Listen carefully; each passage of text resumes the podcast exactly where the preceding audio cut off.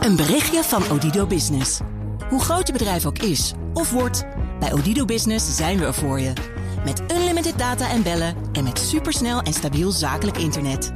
Ook via glasvezel. Ontdek wat er allemaal kan op odido.nl/slash business. Het kan ook zo. The Friday Move wordt mede mogelijk gemaakt door TUI. Discover your smile. BNR Nieuwsradio. The Friday Move. Here and now, I give you my word. Tot maximaal zes gasten. Ik ben wel blij. De boeren worden voorlopig gespaard. We zijn er bijna en dan blijkt het toch niet zo te zijn. Jurgen Rijman. Maar waar kom je echt vandaan? Als ik een kwartje zou krijgen voor elke keer dat mij die vraag werd gesteld, hoefde ik nooit meer te werken. Maar met die vraag uh, interviewde Robert Vuijsje de afgelopen zes jaar bijna 300 bekende Nederlanders over hun afkomst. Hij is vanmiddag mijn co-host. Je sterrentent vaarwel zeggen en je droom verwezenlijken door een pizzeria te openen. Dapper, maar ja, toen sloeg corona toe. Inmiddels is No Rules van Jacob Jan Boerma toch open. Dit is de Friday Move, live vanaf de Sky Lounge van het Doubletree Hotel bij Hilton... met de beats van de one and only Thomas Robson.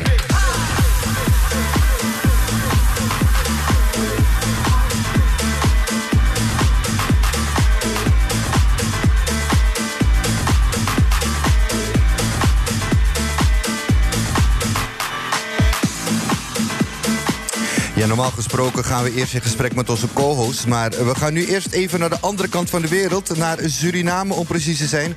Want ik heb nu aan de telefoon Amar Ramadien, de minister van Volksgezondheid, al daar.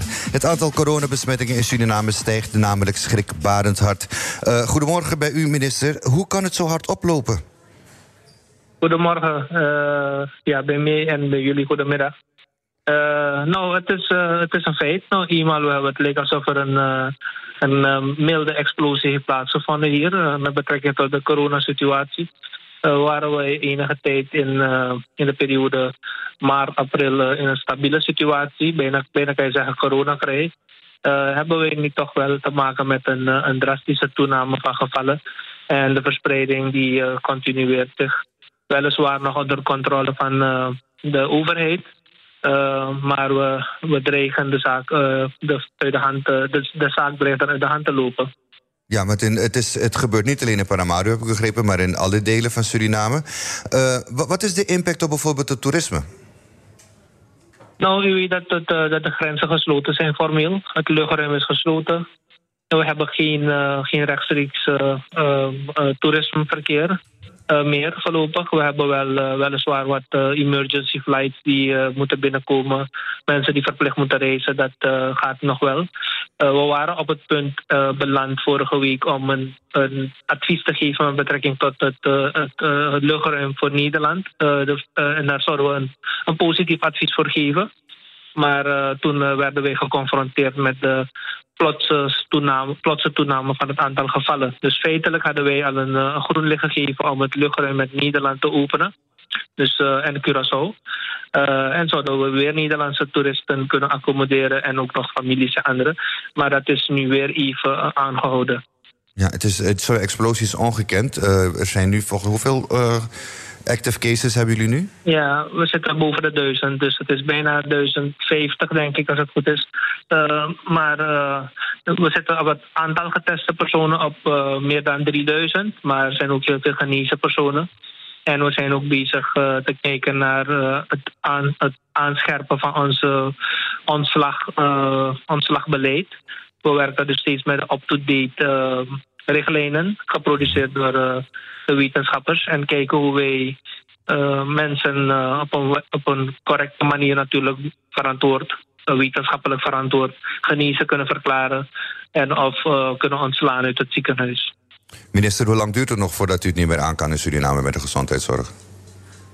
Um, het, het, het, is moeilijk te zeggen. het is veel afhangen van. We hebben in het kader van beheersen uh, enkele maatregelen per presidentieel besluit uh, aangekondigd. Wij kijken naar uh, in het geval het verbod op samenscholingen van meer dan vijf personen. We hebben feesten verboden nu in Suriname. bruiloften, uitvaarten, alles is beperkt tot, een, tot echt het minimale en het noodzakelijke. we hebben bijvoorbeeld onze restaurants, die zijn alleen voor afhaalservice en leveringsservice. De situatie is met het invoeren van deze maatregelen proberen wij het aantal uh, verspreidingen, uh, de verspreiding in ieder geval te verlichten, te, vertragen. Uh, wij zitten namelijk met een beperkte capaciteit aan, aan zorg. We, zitten met, we hebben niet heel veel ziekenhuizen. Maar ook hebben wij een, een beperkte hoeveelheid aan human resources. Dus het menselijk kapitaal welke nodig is om de zorg te bieden. Dus wij zitten met, niet alleen met, een, met deze problemen, maar ook zitten wij met een groot financieel gat in onze begroting en in, ons, in onze financiële huishouding. ook daar zijn er beperkingen en uitdagingen. Dus wij hebben een, laten we zeggen, multifactoriële problemen op het gebied van COVID. En in, het, in dat kader zijn we dus op zoek naar uh, hele creatieve ideeën hoe wij uh, dit kunnen overbruggen. Uh, de aanscherping van de maatregelen moet helpen om de verspreiding te vertragen, waardoor onze zorg, ons zorgsysteem niet overbelast wordt. En als we overbelasting kunnen tegengaan, dan kunnen we nog een tijdje mee. We kunnen dus, dan moeten, gaat er gewoon nog een hoge turnover zijn. We krijgen continu gevallen, we handelen die af ook. Maar als het op een gegeven moment de verspreiding niet tegengegaan kan worden, dan vrees ik dat wij uh, eigenlijk binnen een maand uh, de situatie niet meer onder controle zullen hebben indien dezelfde infectietrend zich voortzet. Minister, uh, heel veel succes uh, daar in Suriname en we houden het allemaal in de gaten. Dank u wel voor het gesprek. Ja, dank je Jurgen. Ja, we praten verder hier uh, in de studio met uh, chirurg, uh, ja, ik moet zeggen gepensioneerd chirurg Chander Mahabir. Ja, je bent heel erg betrokken bij de gezondheidszorg in Suriname. Je zit zelfs in de Suriname Coronacommissie. Um, ja, die Suriname moet helpen. Je bent afgelopen vrijdag geopereerd. Hoe voel je nu? Ik ben met een rollator hier samen met een goede vriend van me. En uh, lastig om hier te vinden, maar Jurgen, ik ben er omdat het, het, heel belangrijk is om hierover te praten. En zeker de hulp vanuit Nederland te mobiliseren naar Suriname toe. Ja, je, je, je zit uh, in de coronacommissie. Wat, wat is het gevoel dat overheerst in die commissie nu? Uh, ik heb, ik heb natuurlijk directe contacten met Suriname. Ik ben hier in Nederland gepensioneerd chirurg. Ik ben nog steeds geregistreerd en werkzaam in Suriname als chirurg. We hebben een hele team waarmee wij in Nikeri werken. Uh, wisselen elkaar af. Hele jaar door kunnen wij ziekenhuis van specialisten voorzien. Dus ik ben op de hoogte van de actuele situatie.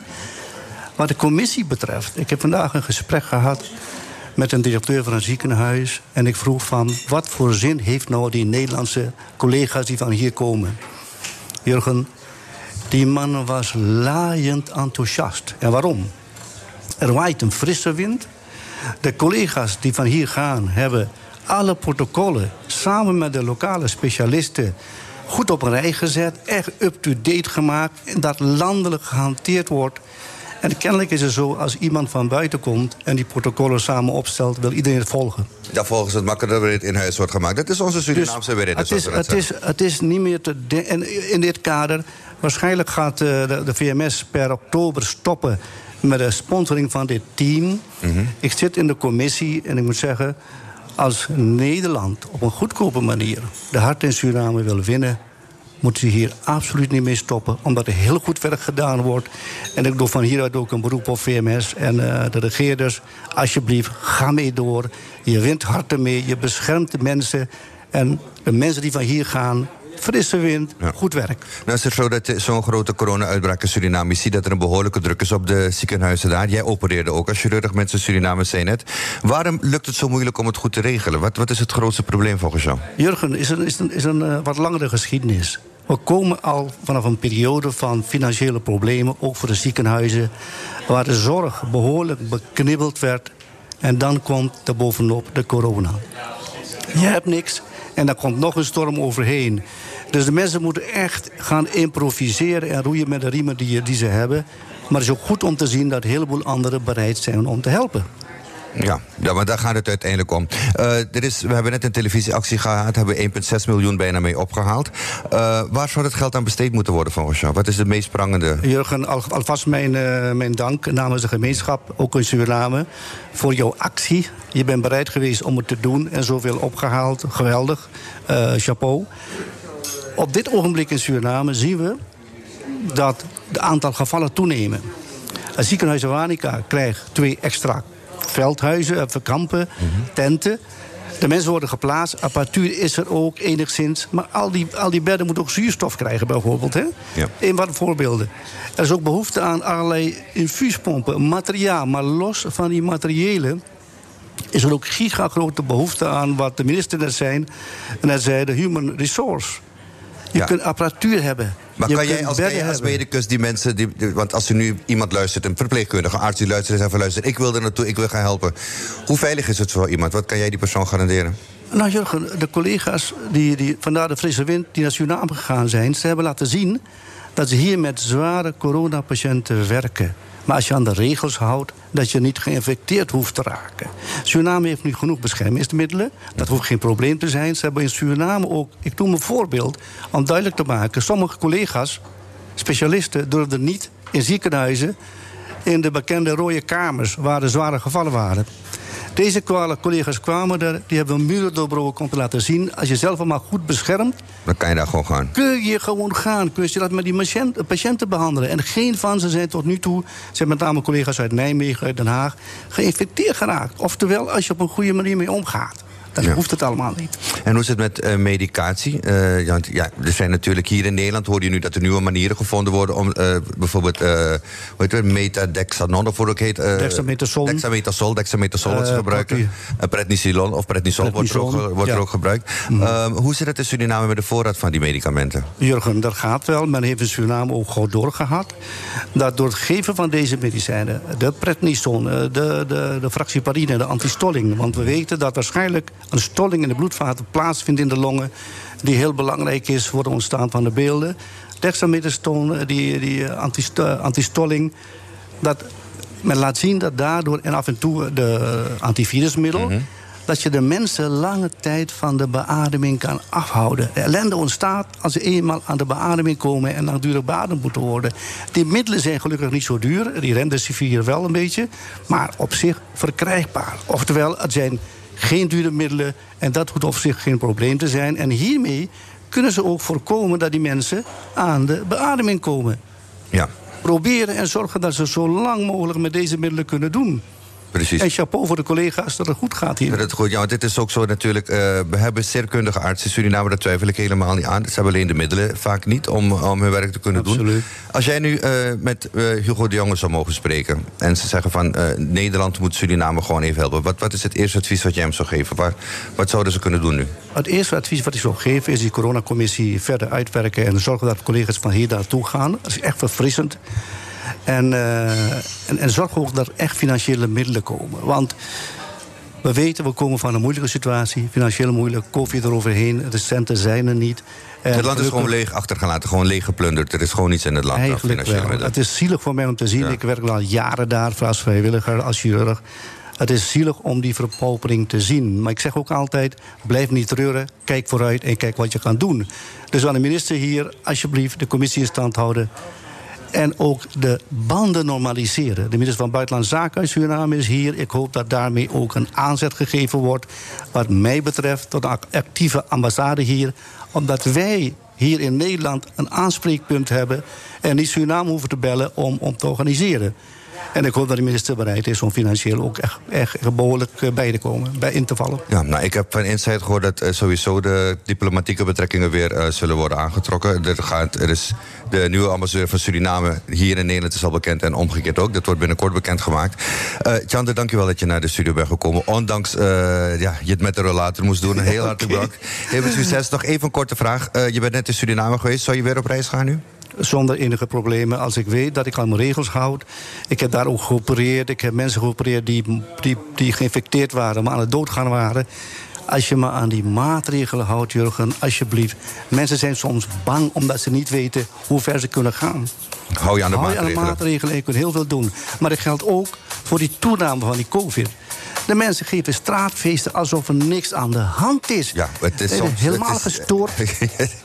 We we have a long way to go wat eh, informatie gaat. Dankjewel, Tjander. Dank je, Fijn dat je er was. Dankjewel. Graag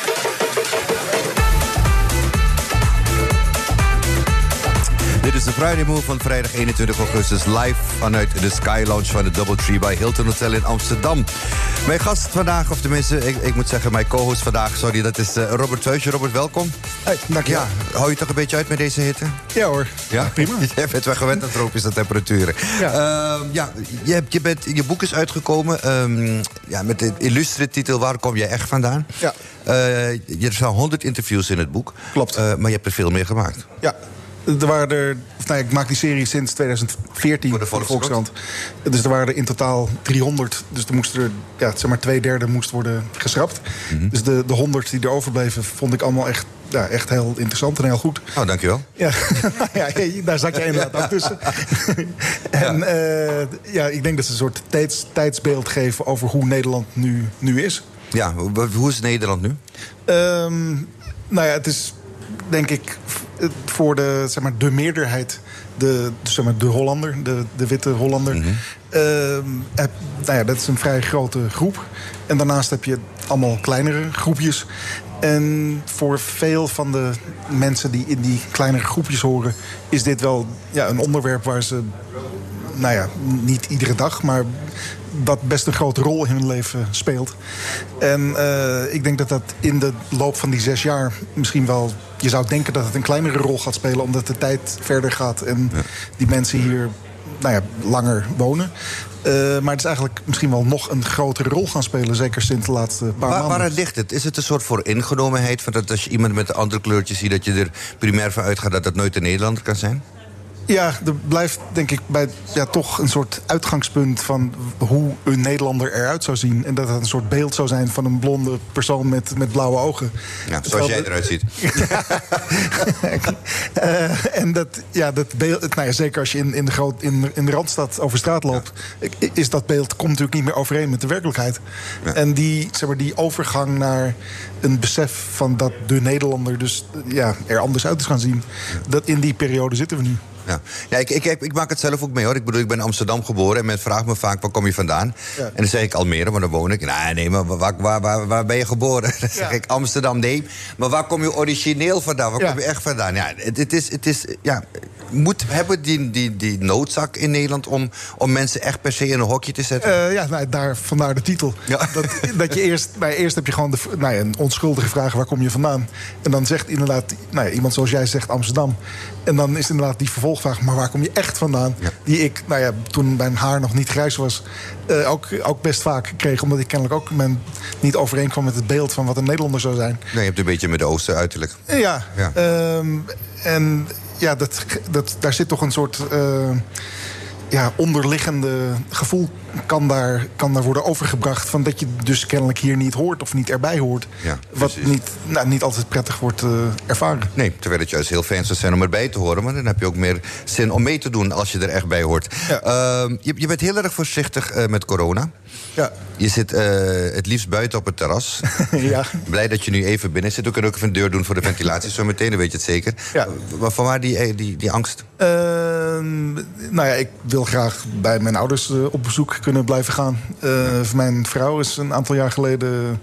Uh, heeft een uh, ernstige ziekte gehad waarvan ze wel genezen is, maar wat nog steeds um, ja, haar nou ja, systeem niet sterker maakt. dus vandaar dat ik ja, voorzichtig doe. Ja. Je bent nu ook met een, non-fictieboek bezig, een, voetbalboek. Ja, wat, wat, wat moet ik me daarbij voorstellen? Uh, nou ja, het is een voetbalboek wat wordt uitgegeven bij de bij de uitgeverij die al die andere voetbalboeken ook uitgeeft. Mm. En het gaat, nou ja, het gaat ook voor een groot deel gaat het ook over voetbal. En het is een boek wat ik maak met uh, Serdar Guzebujuk, die trouwens ook in het boek staat. Ja? Die de in scheidsrechter? De, de scheidsrechter in de Eredivisie en ook uh, internationaal.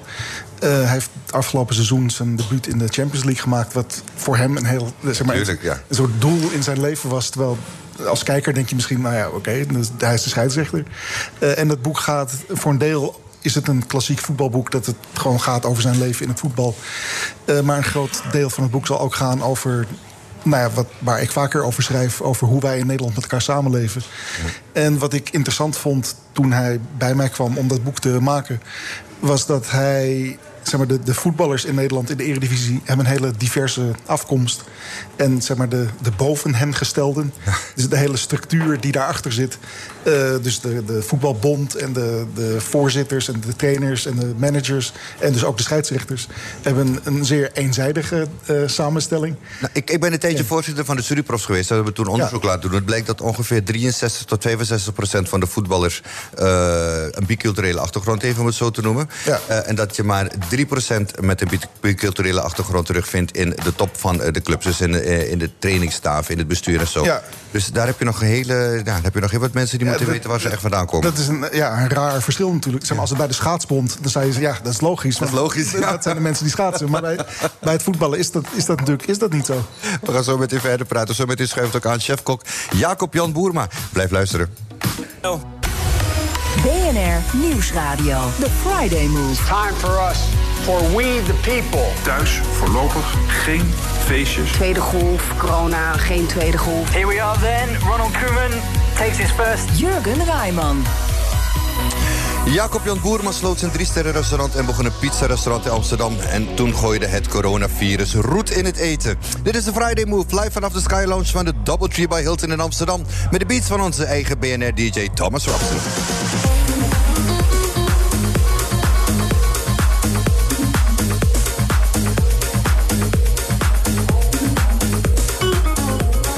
Aan tafel chefkok Jacob Jan Boerma. Jacob, welkom. Hallo, Eh, ja, welkom. eh, vorig jaar, eind vorig jaar stopte je met je drie-sterren-restaurant De Lees de Fase om een nieuw avontuur aan te gaan. Een pizza-restaurant in Amsterdam. Wie droomt daar niet van? Eh genaamd No Rules. Het proefdiner was de dag voor de lockdown. En toen? Ja, toen moesten we verplicht dicht. En eh, hebben eigenlijk eh, een soort vakantie eh, gehad. eh, verplicht althans. En hebben die ook gebruikt natuurlijk om orde op zaken te stellen. En ja, daarbij een restaurant opent... heb je natuurlijk al heel onvoorziene dingen hè, qua financiën. En die kwamen nog eens dubbel erbij. En als je dan ook nog weet dat je een NOW... ehm, hoe heet het, vergoeding niet krijgt omdat je nog nooit gedraaid hebt... dan wordt dat extra hard. En uiteindelijk hebben we toen moeten beslissen... om een deel van ons personeel eh, te moeten laten gaan, helaas. En eh goddank, toen we 1 juni uiteindelijk weer open mochten... kwam al dat personeel weer terug. En dat is toch een mooi... Dat is wel mooi, die wilde gewoon wel. Dus ja, zo zie je dat het, dat het wel kan. Maar ja, twee, drie weken terug kwam de volgende klap. Er waren mensen met het coronavirus eh, bij hun eh, aan de bar. Bij jullie aan de bar. Ja, weet je wat het eh, unieke is eigenlijk? eh, en dat vind ik ook het vervelende van het hele eh, COVID-verhaal. Weet je, iedereen die het virus draagt en die het niet weet, kan bij jou jouw zaak eigenlijk platleggen. Hè? We hebben uiteindelijk zelf besloten om een aantal dagen dicht te gaan, om, omdat we niet wisten wat er precies gebeurde. Maar het stond natuurlijk wel in de media. En dat is wel dat we te maken hadden met heel veel annuleringen, uiteraard. punt 1. Maar ja, twee- komt niet meer als jij corona hebt. ja, nou ja, weet je, het, het goede nieuws is dat we ons personeel in zijn totaliteit hebben laten testen. Niemand had het daar. Dus weet je. Maar het was dus een, gast geweest die daar Het is, uiteindelijk waren het meerdere gasten. Daar komen, hè, en, en dat is ook het nadeel van een zaak die heel goed draait. Dat als jij twee weken eh, daarvoor bij ons was en je hebt in één keer corona, wat onthoud je dan? Een zaak waar je bent geweest die heel druk is. En het vervelende is ook dat je gewoon drager kunt zijn en het kunt binnenbrengen. Dus ondernemers zijn niet alleen doordat ze de juiste maatregelen, zoals wij hè, eh, proberen te hanteren, hè, de- daar waar de wet zegt 100 gasten binnen.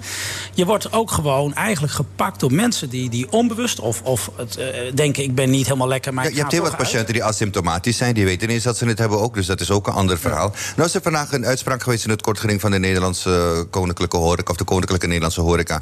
ehm, tegen de regelgeving van de regering. Eh, die hebben ze verloren, die, de uitspraak eh, of het kortgeding. Vind je echt dat de regelgeving te streng is in Nederland? Nou, eh, kijk, weet je, ik ben natuurlijk niet Mark Rutte. Ondanks dat ik dat nu best wel af en toe zou willen Zou zijn. En dat kan ik je ook uitleggen. Ik vind dat we.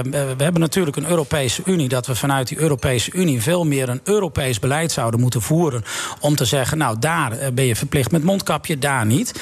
Maar je- eigenlijk zijn we gewoon een, een beetje een schrootje. We hebben natuurlijk 25 eh, departementen in Nederland die, eh, waar gemeentes in kunnen beslissen eh, wat voor standpunt ze nemen. En nu zie je in Amsterdam eigenlijk een, een, een best wel een hele zware lockdown een beetje komen, zoals in Antwerpen feitelijk. Dat is ook schade voor ondernemers direct, terwijl dat het ook op andere manieren denk ik veel makkelijker is op te lossen. We weten Hoezo? dat- Hoe dan? Nou, we hebben dit virus. dit, dit, dit is onder ons. Dus als iedereen nou het respect heeft voor elkaar om veel meer te zeggen van... Hey, weet je, ik voel me niet goed of ik denk dat ik het heb... laat ik mezelf testen en laat ik me uitschakelen. Kijk, we, gaan, we, we stappen in een vliegtuig... en dat doe ik de laatste maand ook alweer heel veel. Dan is er heel veel para-gedrag omtrent dat mondkapje. Dan krijg je een broodje en een drankje... en dan zijn al die mondkapjes weg. Dus ergens is wetgeving... En de helft verslikt zich in zijn broodje, dus zoest de hele cabine ja. Nou ja, om maar wat te noemen. Kijk, wetgeving is natuurlijk eh, noodzakelijk. Maar we moeten wel, vind ik, veel meer uh, het ondernemersgedrag overeind houden. En veel meer de individu aanpakken. Hè, wat ik zelf te maken mee heb gehad in No Rules. Is dat iemand gewoon binnenkomt met het virus. En mijn zaak platlegt. Wat mij financieel nog eens extra uh, raakt op die manier. Weet je, en wij kunnen niet die mensen testen. Wat ik het liefst zou willen. Eigenlijk zou elke horecazaak zoveel testen moeten hebben. Oké, okay, je komt binnen als je het virus niet hebt. Ja, en je mag, je mag mensen helemaal niet testen als particulier. Dus, uh, Ook nog niet. En hoeveel mensen vullen eerlijk... Hè, we zijn natuurlijk ja. uh, verplicht om, om een, uh, een aantal gegevens in te vullen. Ja, hoeveel mensen vullen dat eerlijk daadwerkelijk in? Daar gaat het ook nog eens om. Ja, hoe, je bedoelt, als sterrenchef ben je natuurlijk gewend aan, aan hectiek en alles en zo. Dit is de next level bijna. Hoe, hoe, hoe, ben je er, hoe ben je ermee omgegaan? Hoe heb je je hoofd rustig gehouden? Nou, weet je, kijk, eerst neem je een beslissing. Volgend jaar, uh, vorig jaar juni, uh, god, gaan we de lees sluiten of gaan we nog een aantal jaar door? Dat moest echt gewoon zwart-wit. Nou, uiteindelijk kwam er zoveel moois op mijn pad. Internationaal drie, die, drie nieuwe restaurants openen. Hè, van Lissabon, Wenen tot aan Tokio, notabene. En toen, um, hoe heet het, kwam er nog wat moois bij. Um, dat is een consultantjob in, uh, in Zwitserland voor een bedrijf, weet je. Nou ja, dan komt zo'n beslissing steeds dichterbij. Dat je op een makkelijke manier je geld kunt verdienen. Kijk, ik had een loonkost van 48% in de lijst. Daar kon ik betalen door al die internationale events. Weet je, en, en, en mijn foodkost was nog eens 35%. Daar kan elke Nederlander die ondernemer is, kan heel snel uitrekenen dat dat een verdienmodel is van Jan Doedel. Ja, daar word je niet rijk van. Maar de, de, de vrijheid die ik had, de uniekheid door, door het behalen van drie Michelinsterren, zorgde ook voor een andere groei buiten mijn zaak om. Nou, dan neem je die beslissing. En vervolgens is er eigenlijk een heel leuk grapje. Dat is No Rules geworden. No Rules, ja. Ja, uh, ja weet je, kijk, Sergio Herman doet friet. Dat kon ik al niet doen. Dus ik dacht, laat ik nou pizza doen. En pizza is eigenlijk wel iets wat iedereen in de wereld gewoon eet. En elk hotel, groot hotel in de wereld heeft pizza. Ja, dus dat, dat was iets waarvan ik dacht, oké, okay, ik ga dat op mijn manier doen. En dat is gelukt. Mag ik daar iets over vragen? Ja. In in bijvoorbeeld de Italiaanse keuken, maar bijvoorbeeld ook in de Surinaamse keuken, weet ik dat mensen die uit die cultuur komen heel rechtlijnig zijn in dit is hoe je het mag doen. En alles wat afwijkt van het klassieke recept is, ja, is verdacht of verboden. Verdacht is, is, ja, is, is bijna dodelijk. Ja, je mag niet ja. het moet doen zoals het 100 jaar al gaat. Hoe, hoe heb jij dat? Jij doet het anders dus. Ja, nou ja, weet je, op een gegeven moment dacht ik in, in, in juli namen we ook die beslissing dat we een, een pizza gingen dingen. Ik denk, fuck, ik kan niet eens pizza maken. Kan ik overigens nog steeds niet. Maar ik kan wel het deeg bedenken. Dus het, het hele proces. En natuurlijk uiteindelijk die toppings en die sauzen die erop liggen. Dus dat, dat is dan de kennis die je hebt. En vervolgens moeten Italianen voor jou die pizza maken. Maar ik kreeg wel stress. Dus toevallig was ik in Tokio. En kom ik eigenlijk in het allerbeste restaurant ter wereld. Uh, bar 38, bar 38. Okay. Wat uh, de beste pizza's ter wereld maakt. Dat is een pizza, daar zit 880 gram water op een kilo bloem. Dan moet je bedenken dat je dat deeg in je hand houdt. En dat zijpelt gewoon als yoghurt door je hand. Zo dun. En ik was zo getriggerd doordat het uh, bijna caloriearm was. Omdat er uh, rijstmeel in zat en een soja-patentbloem. dat ik eigenlijk dacht, shit, dit wil ik ook. Maar toen dacht ik, wij gaan een zaak beginnen die 300, 400 man op een dag moet draaien. Daar kan ik nooit, zoals deze sushi bar... waar je maximaal 20 man op een dag doet... en deze pizza op een velletje papier kunt uitrollen om, om hem te creëren. Kijk, weet je, No Rules is bedacht drie sterren restaurant. Daar heb ik aan een bepaalde verwachtingspatroon van de gasten uh, te voldoen. En ook oh, he, die drie sterren, daar moet je een bepaalde kwaliteit, bepaalde eigen stijl. Nou, weet ik wat allemaal voor organiseren.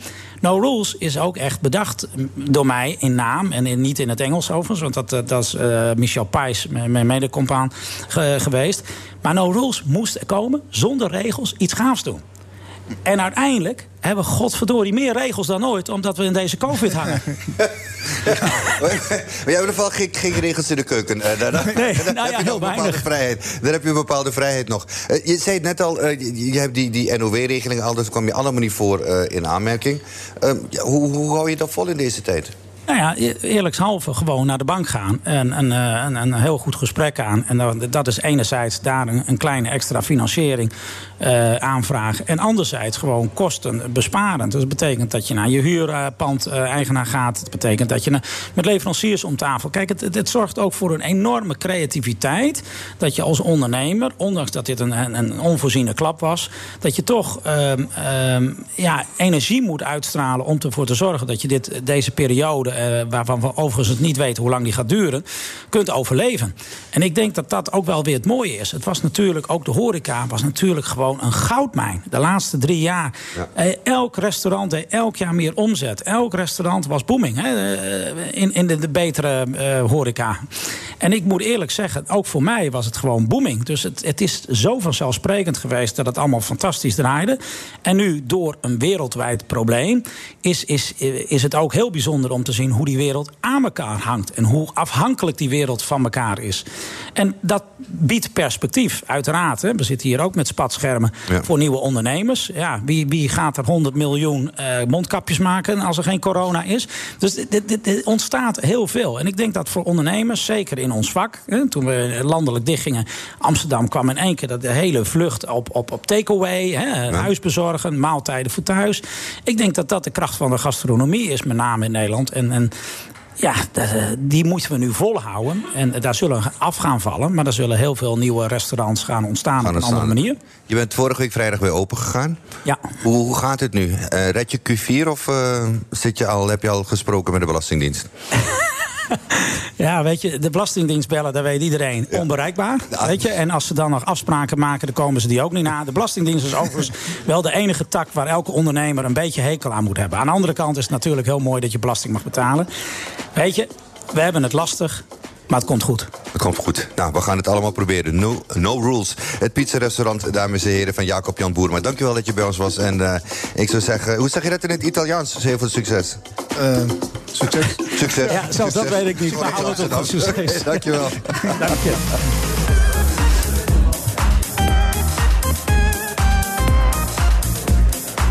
Maar als ik, ik, ik ben wel benieuwd. Dit- Lijkt het op een pizza wat, wat er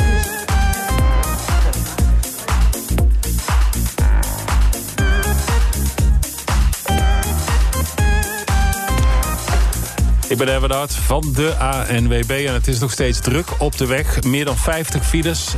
In het midden van het land is het druk op de A1 Amersfoort richting Hengelo... tussen Apeldoorn, Zuid en Deventer. 10 kilometer file.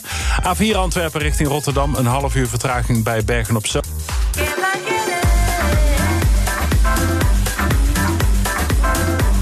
Je luistert naar de Friday Move.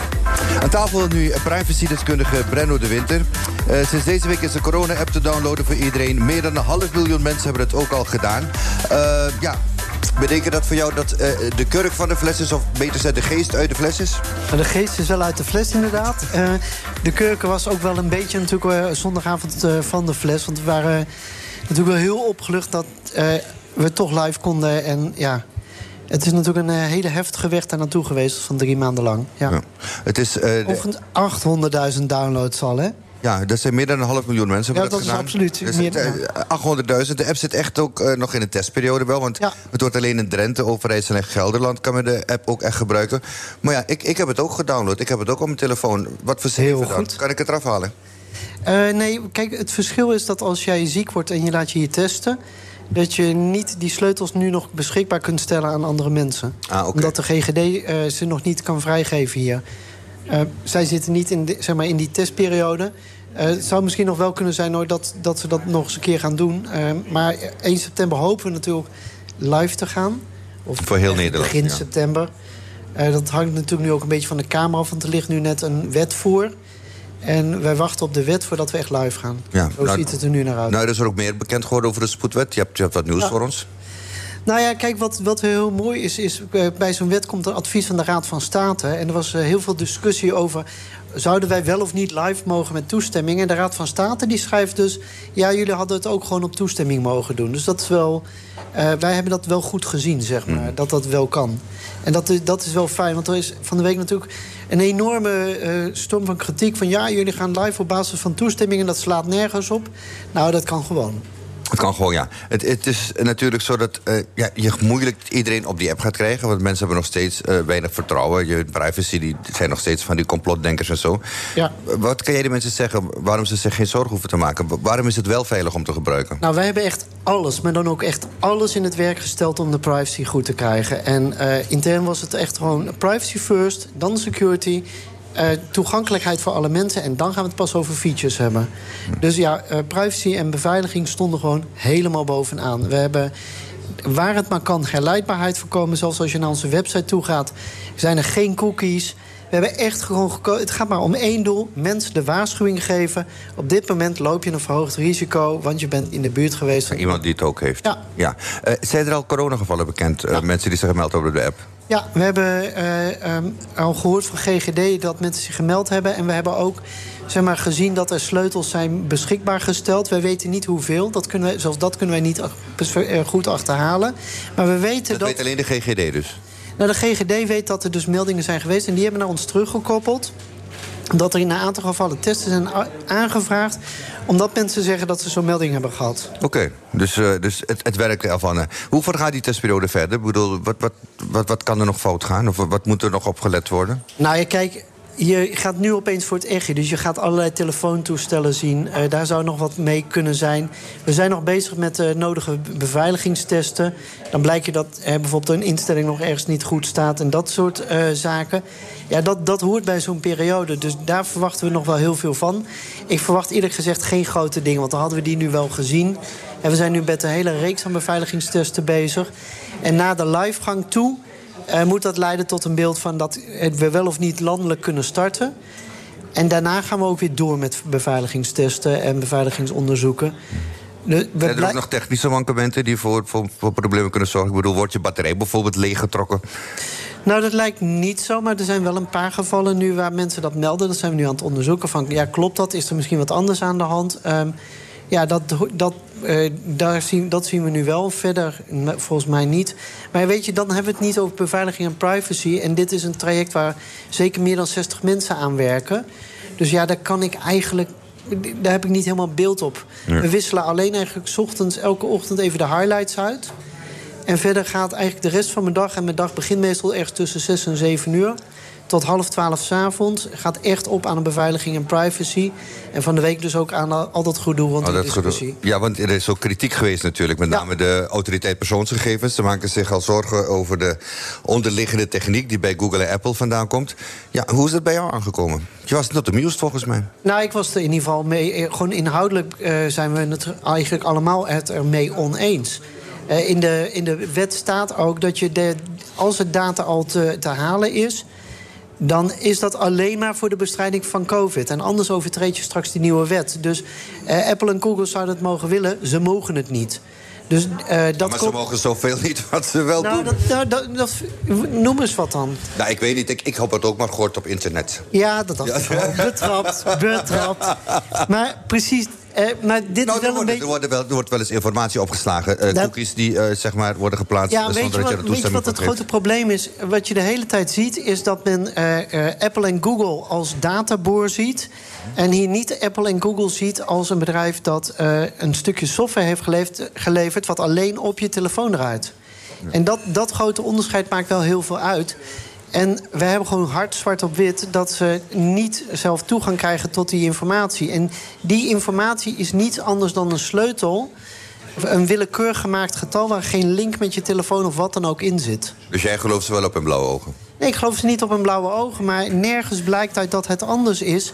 En ik heb ook altijd geleerd dat je mensen niet moet eh, gaan veroordelen op misdrijven die ze niet hebben gepleegd nog. Nou, dat is wel handig, ja. Dat is heel handig. Dus ik heb, ik heb moeite met, met dat beeld ook wat, wat er dan wordt neergezet van...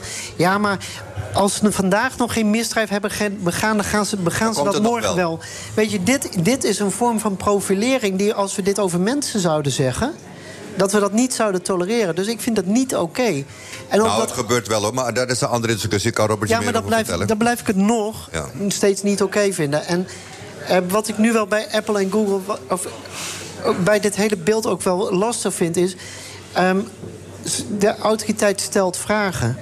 Die beantwoorden wij. Als nu dit is waar je angst zit... dan moet je ook die vragen stellen. En die hebben we niet gehad.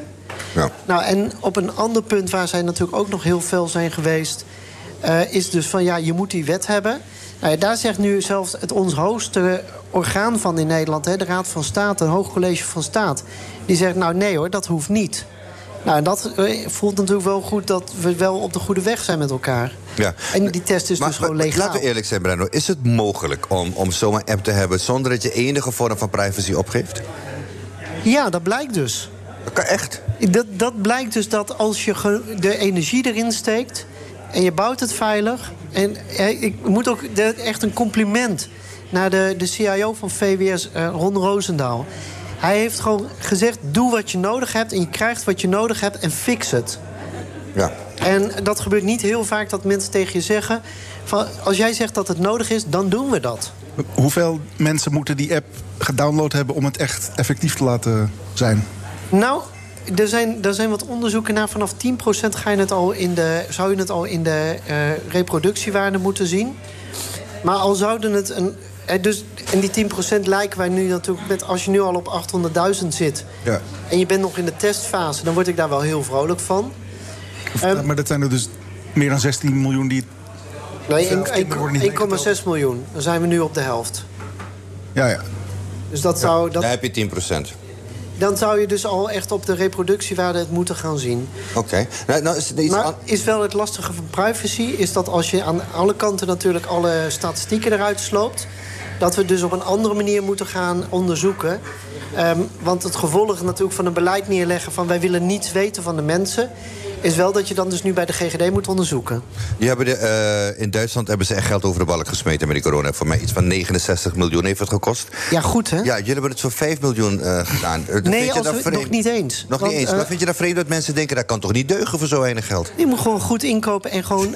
en wat wij in Nederland uniek hebben gedaan. Hè, in Duitsland heb je, hebben ze daar gewoon grote bedrijven tegen aangegooid. Wij hebben heel veel ook met de gemeenschap gedaan. Dus mensen die ook eh, een aantal dingen vrijwillig hebben gedaan. Echt een van de hele mooie dingen vanochtend was. Wij hebben met de monitoring blijken we ja, aan sommige informatie moeilijk te komen. Daar heeft iemand gisteren over geklaagd op een groep die we dan hebben. Dat noemen we Slack. En vanochtend werd er opeens gezegd: jongens, we hebben een tool dat we dit geautomatiseerd kunnen. En daar heeft dus gewoon iemand vannacht, uit liefde, gewoon dat even gebouwd en dus ons ter beschikking gesteld. Hoe cool is dat? Ja, we dat- gaan live met tien talen. Gewoon een heleboel vrijwilligers die hebben ge- geholpen. We zijn volgens mij ook een van de weinige apps waar je ook gewoon begint met Arabisch. Dus dat je ook gewoon twee kanten op kunt leggen. Hoe cool is dat? Ja, ik vind, ik vind het uber cool. Ik hoop alleen maar dat, dat we de rest van Nederland ook meekrijgen. wanneer is het voor jou succesvol? Bij die 10% of wil je toch meer... eh, Het wordt succesvol als wij. Voor mij is het succesvol als we straks verhalen hebben dat ehm, bijvoorbeeld iemand niet naar opa of oma in het verpleeghuis is gegaan. Waardoor dus niet opeens een heel verpleeghuis is geïnfecteerd. Dat zou ik het al de moeite waard vinden. Als we straks niet mensen krijgen die hartfalen krijgen als gevolg van corona. Of eh, gewoon zware longziekten. Want besef dat dit gewoon een hele venijnige ziekte is. Ja, het is, het is een hele verenigde ziekte. En dat weten de mensen die het gehad hebben en genezen zijn, die weten dat. En uh, Brenno, je doet fantastisch werk. Uh, ik, ik hou hem gewoon op mijn telefoon. Maak je geen zorgen. Dankjewel daarvoor. Uh, zometeen het tweede deel van de Friday Move met Marianne Poot, Bernard Hammelberg en Mark Verheijen. Stay tuned. The Friday Move wordt mede mogelijk gemaakt door TUI. Discover your smile. BNR Nieuwsradio. The Friday Move. Here and now, I give you my word. Tot maximaal zes gasten. Ik ben wel blij. De boeren worden voorlopig gespaard. We zijn er bijna en dan blijkt het toch niet zo te zijn. Jurgen Rijman. Ja, werd ik thuis maar zo enthousiast ontvangen. Schrijver en journalist Robert Vuijsje debuteerde in 2008 met het succes- succesvolle roman Alleen maar nette mensen. Voor zijn laatste boek interviewde hij bijna 300 bekende Nederlanders over hun afkomst. En Joe Biden hield vannacht de belangrijkste toespraak uit zijn politieke carrière tot nu toe. Hij schetste een donker beeld van Amerika onder Trump en beloofde het anders te gaan doen. Dit is de Friday Move vanuit de Sky Lounge van de Doubletree bij Hilton Hotel met de beats van onze eigen Thomas Robson.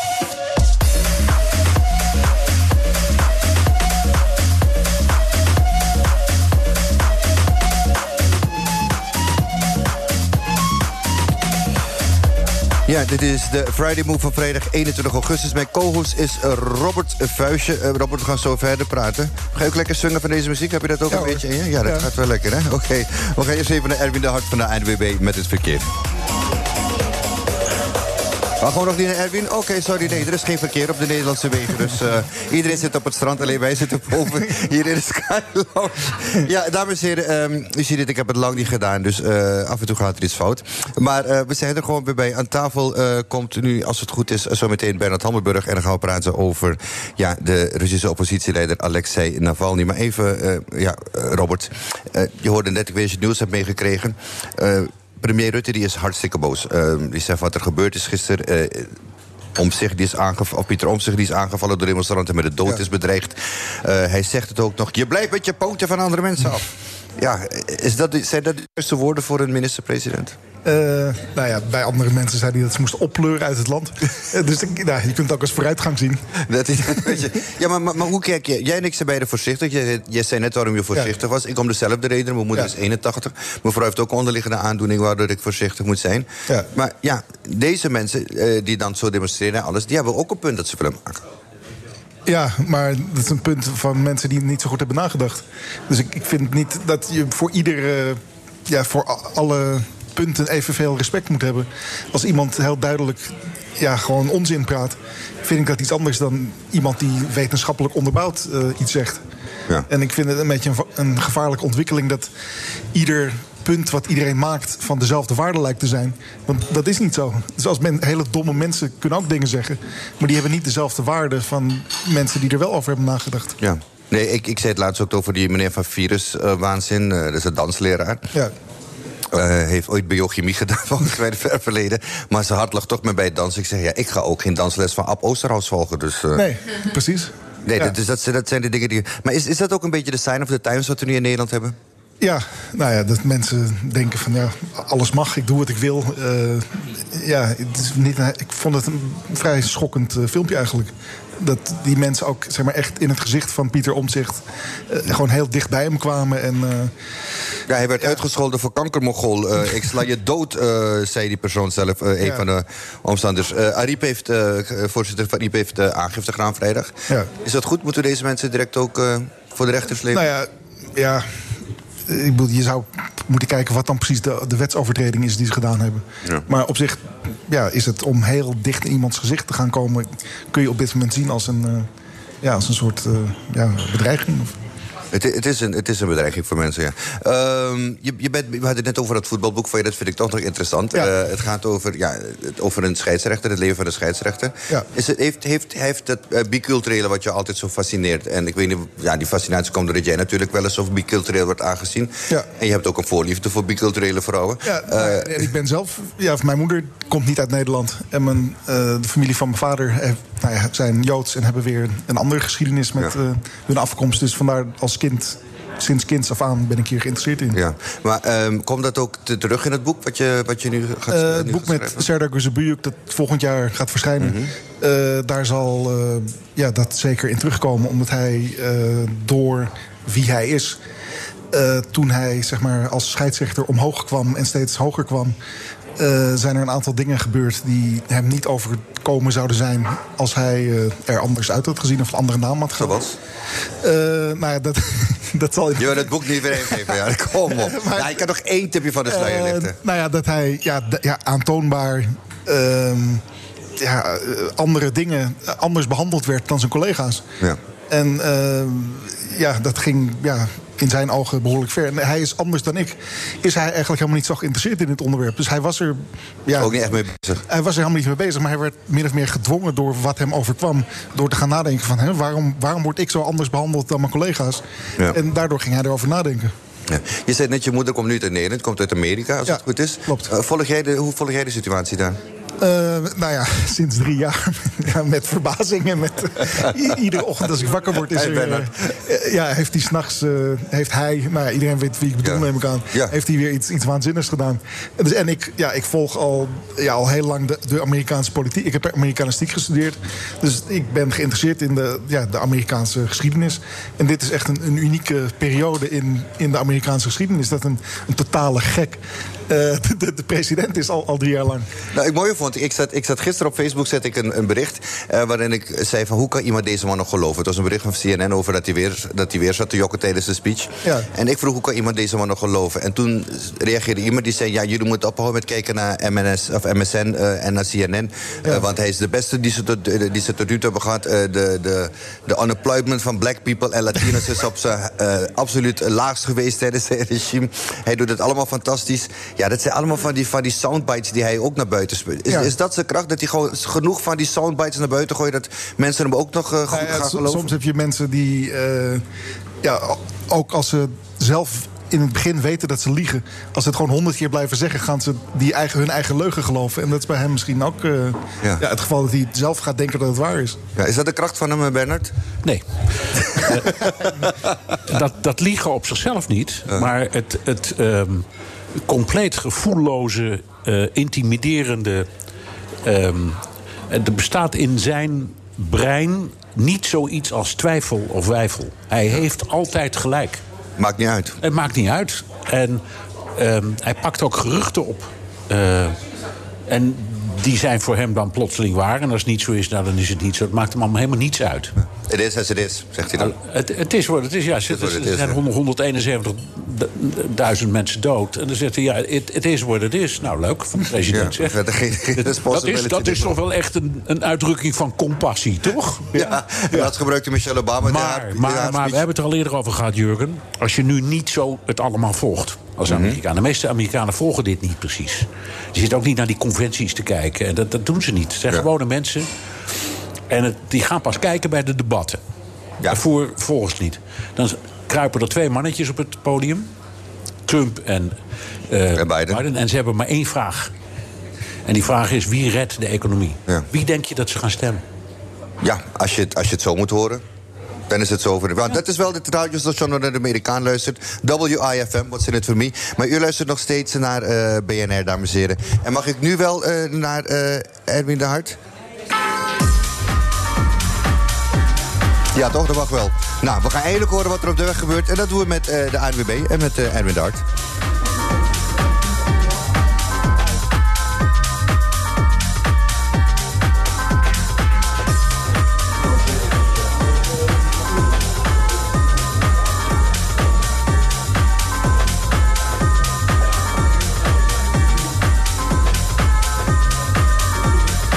Nou, eh, we groeven lekker door blijkbaar. eh. dus ja, ja, Erwin is er. Hey, goeiedag. Ja, ik ben er hoor. Ja, Erwin, wat fijn. Ja, ging even, het is onze eerste keer weer. Hè. Dat heb je van die dingen Ja, precies. Eh, moet we dan wel hebben- wat rustiger aan doen. Op de techniek hebben we vandaag een eh, stagiaire, dus eh, dan krijg je dat. maar, maar vertel eens, eh, hoe is het op de weg? Ja, het wordt eh, steeds minder druk. Dat is het goede nieuws. Dan eh, nu de nare berichten. De files op de A1 Apeldoorn richting Hengelo... tussen knooppunt Beekberg en Deventer, 7 kilometer. A4 Antwerpen-Rotterdam, een kwartier vertraging bij knooppunt Markizaat. A6 Emmeloord-Jouren is in beide richtingen dicht bij knooppunt Jouren... door een zwaar ongeluk. Omrijden via Zwolle-Herenveen voor beide richtingen. Herenveen richting Afsluitdijk op de A7... heeft een file van 5 kilometer bij Jouren... en de vertraging is daar een half uur. Flitsmeister ziet op dit moment geen flitsers. Dat is fijn. Dat is zo fijn. Geen flitsers. Hè? We kunnen lekker doorkachelen naar huis dadelijk, eh, Bernhard. Eh, dit is een Friday Move vanuit de Sky van de Doubletree bij Hilton. Aan tafel is zojuist aangeschoven buitenlands commentator Bernhard Hammelburg. U hoort hem al. We gaan het eh, niet over Amerika hebben, want anders blijven jij en ik uren doorpraten. Dat weten mensen gewoon. Eh, dus ze zeggen, nou, als je Bernhard krijgt, dan gaan we het hebben over de Russische oppositieleider Alexei Navalny. Hij ligt in coma in het ziekenhuis in Omsk, nadat hij in het vliegtuig naar Moskou onwel was geworden. Volgens zijn woordvoerder is er geen zijn thee gedaan. Wat is het laatste nieuws? Nou, volgens de Moscow Times, die ik in dit geval altijd maar even aanklik. eh, is er nu, er- je weet, er is een Duits vliegtuig heen gegaan van een vrijwilligersorganisatie. Een, een, ehm, een, een vliegende ambulance om hem op te halen. Die krijgen geen toestemming tot nu toe, omdat eh, de behandelende arts zegt. Het is te gevaarlijk, hij kan niet in een vliegtuig, hij kan niet in een drukcabine. En hij is helemaal niet vergiftigd. Hij heeft waarschijnlijk een, hele ernstige storing aan de ingewanden. Dat wordt waarschijnlijk ingefluisterd vanuit Moskou, dat weten we niet. Ja.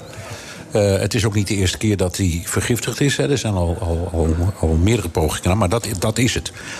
Dus eh, het gaat slecht met hem, voor zover we weten. Maar de vraag is of die Duitsers hem eruit krijgen. Dat zou mooi zijn, want dan kan hij in elk geval... Maar kan je ook de vraag voorstellen dat, eh, dat Rusland zegt... wat bemoeien die Duitsers zich mee? Ja, nou, de Fransen hebben zich er nu ook mee bemoeid. Nou, dat komt natuurlijk omdat er... Er zijn meer dingen gebeurd. Hè. Je hebt, eh, Het is niet de eerste keer dat hij Nee, vergiftigd je is. in herinnert die meneer Litvinenko in, in, eh, in Londen, weet je wel. Die, die ook iets radioactiefs in zijn thee kreeg. En op een gruwelijke manier is overleden. Skripal, vader en dochter, ook in Engeland. Ehm, dus het gebeurt, ze doen het gewoon overal. Dit is nu toevallig in, in, Ru- in Rusland gebeurd. Hij, hij kwam dus uit het Verre Oosten, hè, dus de kant van. ehm, nou ja, van eh, Japan. Japan ja, die kant daar. Sorry, daar kwam hij vandaan. En eh, was onderweg naar Mos- Moskou. Is onderweg, hij heeft, hij heeft thee gedronken ergens. In zijn thee gedaan. Daar is hij eh, ziek geworden. En ehm, Is dat, is dat de modus operandi van, van de Russische geheime dienst? Maar het is altijd met vergif. Ik bedoel, je kan toch ook een beetje inventief zijn, Robert? Laten we eerlijk zijn, een keertje iemand met een sniper of met een auto aanrijden. Een beetje creatiever omgaan met eh, de aanslagen. Ik denk dat ze dat ook wel doen, ook, ook, ook wel hebben gedaan. Of ze sluiten eh, mensen op. Hè. Het grootste deel van de oppositie in Rusland, als hij te mondig wordt... dan gaan ze of de gevangenis in, dat is met hem ook een aantal keer gebeurd... of, eh, hun- of hun positie wordt ze ontnomen. Dus ze krijgen geen toestemming meer om zich waar dan ook te vertonen... in de capaciteit van politicus of oppositiepersoon. En als ze dat wel doen, plegen ze een strafbaar feit. Zo wordt het meestal gespeeld. Ja, ja. Dus dan, dan breng je die mensen tot zwijgen zonder dat je met geweld ingrijpt. Hier is naar mijn idee, maar nu wordt het eh, een beetje gokken, maar ik denk wel dat dat aan de hand is. Eh, er is in een ehm, provincie eh, aan de Chinese grens, dus heel ver weg, daar hebben we beelden van gezien, er zijn enorme demonstraties geweest hè, de afgelopen tijd. Eh, enorme massa's mensen die zich verzetten tegen het afzetten van de gouverneur daar. En dat is compleet uit de hand gelopen. En wat, is de, wat zit daar nou achter? Die, die, eh, deze, deze oppositieleider weet dat hij machteloos is. Hij kan nooit echt namens een partij meer opereren. En dus hij heeft zich de laatste tijd steeds meer toegelegd op, ik zal maar zeggen, het opstoken in de ogen van Moskou van andere partijen dan die van Poetin. Ah. Dus hij zegt tegen. Hij gaat de- de- de campagne voeren, ik zal maar zeggen. Dat deed hij nu ook. En dan zegt hij tegen, tegen kiezers daar: stem op die of die of die partij, maar in ieder geval niet op die van Poetin. En dat heeft succes. Ah, oké. Dus er was daar in die verre provincie een gouverneur gekozen die anti-Poetin was. En die is nu gearresteerd met, eh, op verdenking van, noem maar wat op, weet niet meer, verduistering. Of, En is er wel wat. Ze vinden wel wat, ja. En daar is een enorme demonstratie door ontstaan.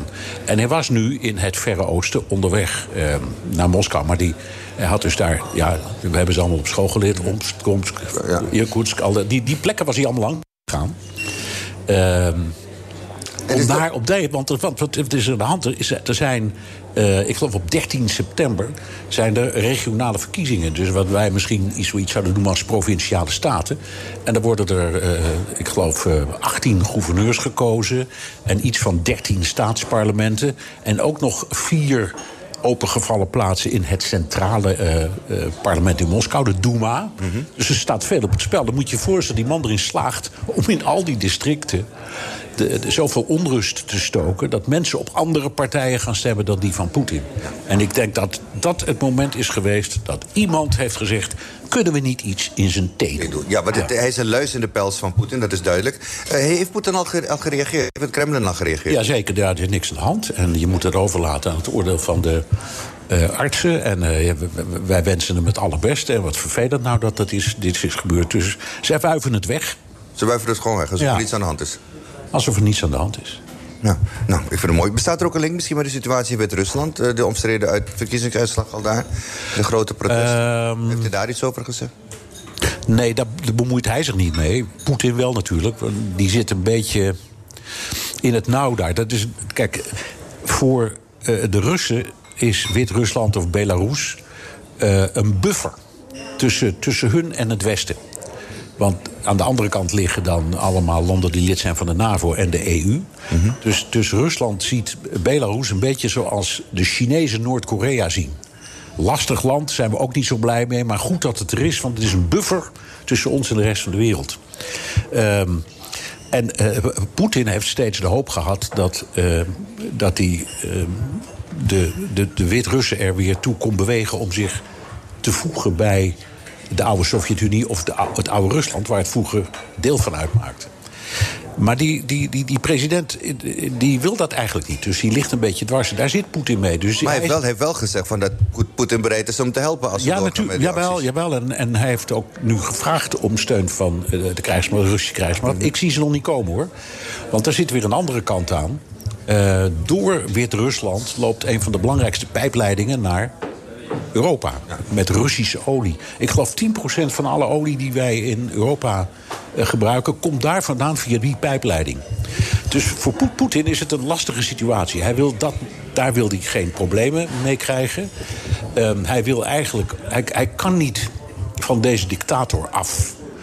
Want ja, dat, dan ontvalt misschien de buffer. Hij kan dus ook niet hebben dat die, die, die oppositie wint. Maar er gebeurt nu iets wat ik heel interessant vind.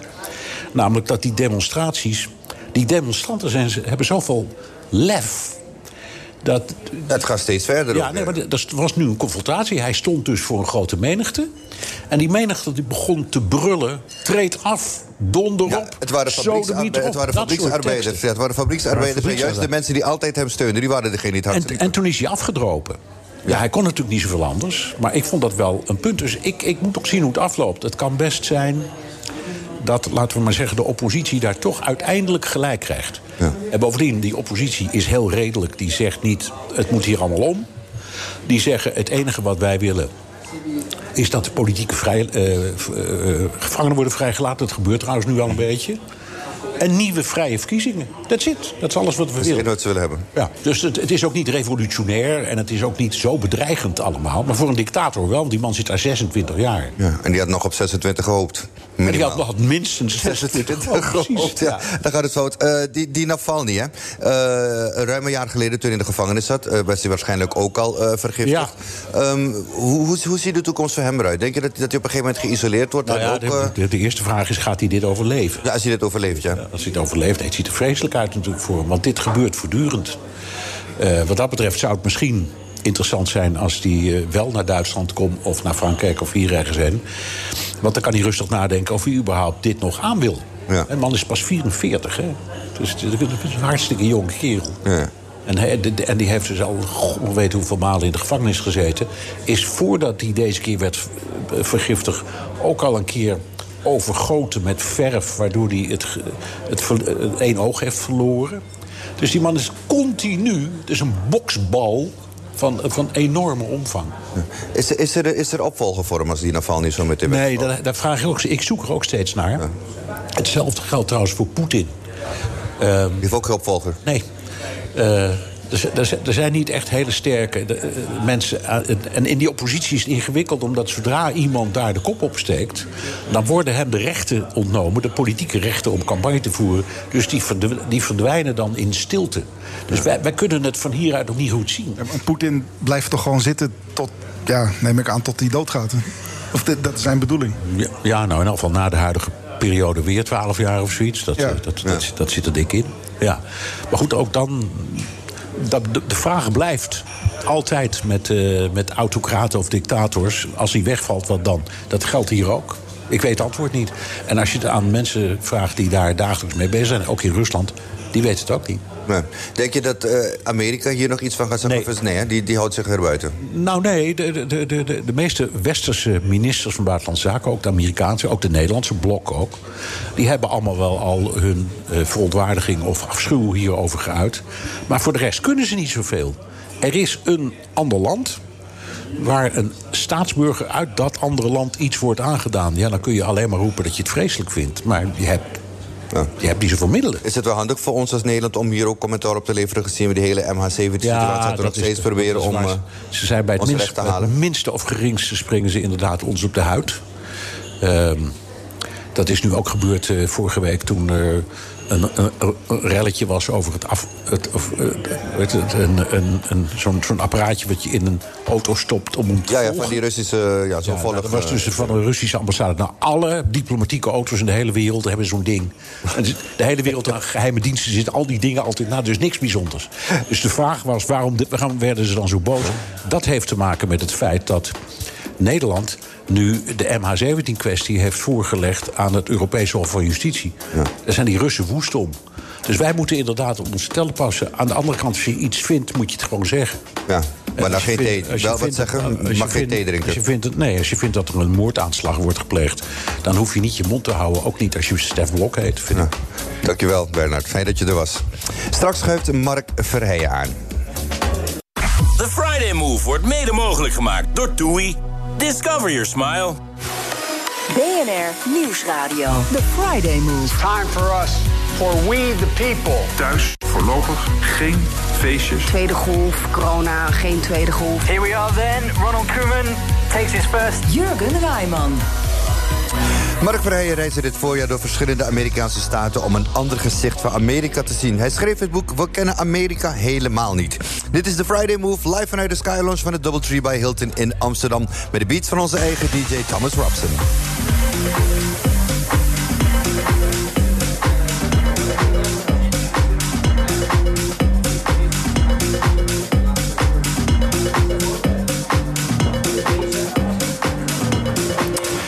Ik zit aan de tafel, voormalig VVD-Kamerlid Mark Verheijen. Mark, welkom. Ja, dankjewel. Laten we even de actualiteit ingaan. Joe Biden heeft vannacht uh, zijn acceptance speech gegeven... aan het eind van de Democratische Conventie.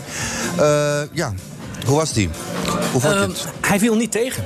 Okay. Um, het was heel weinig inhoud. Dus uh, er geen inhoudelijke beleidsvoorstellen, geen uh, grootse nieuwe uh, visies of verhalen. Maar hij had wel een presidentiële toon. En dat is op dit moment natuurlijk wel heel wat in Amerika.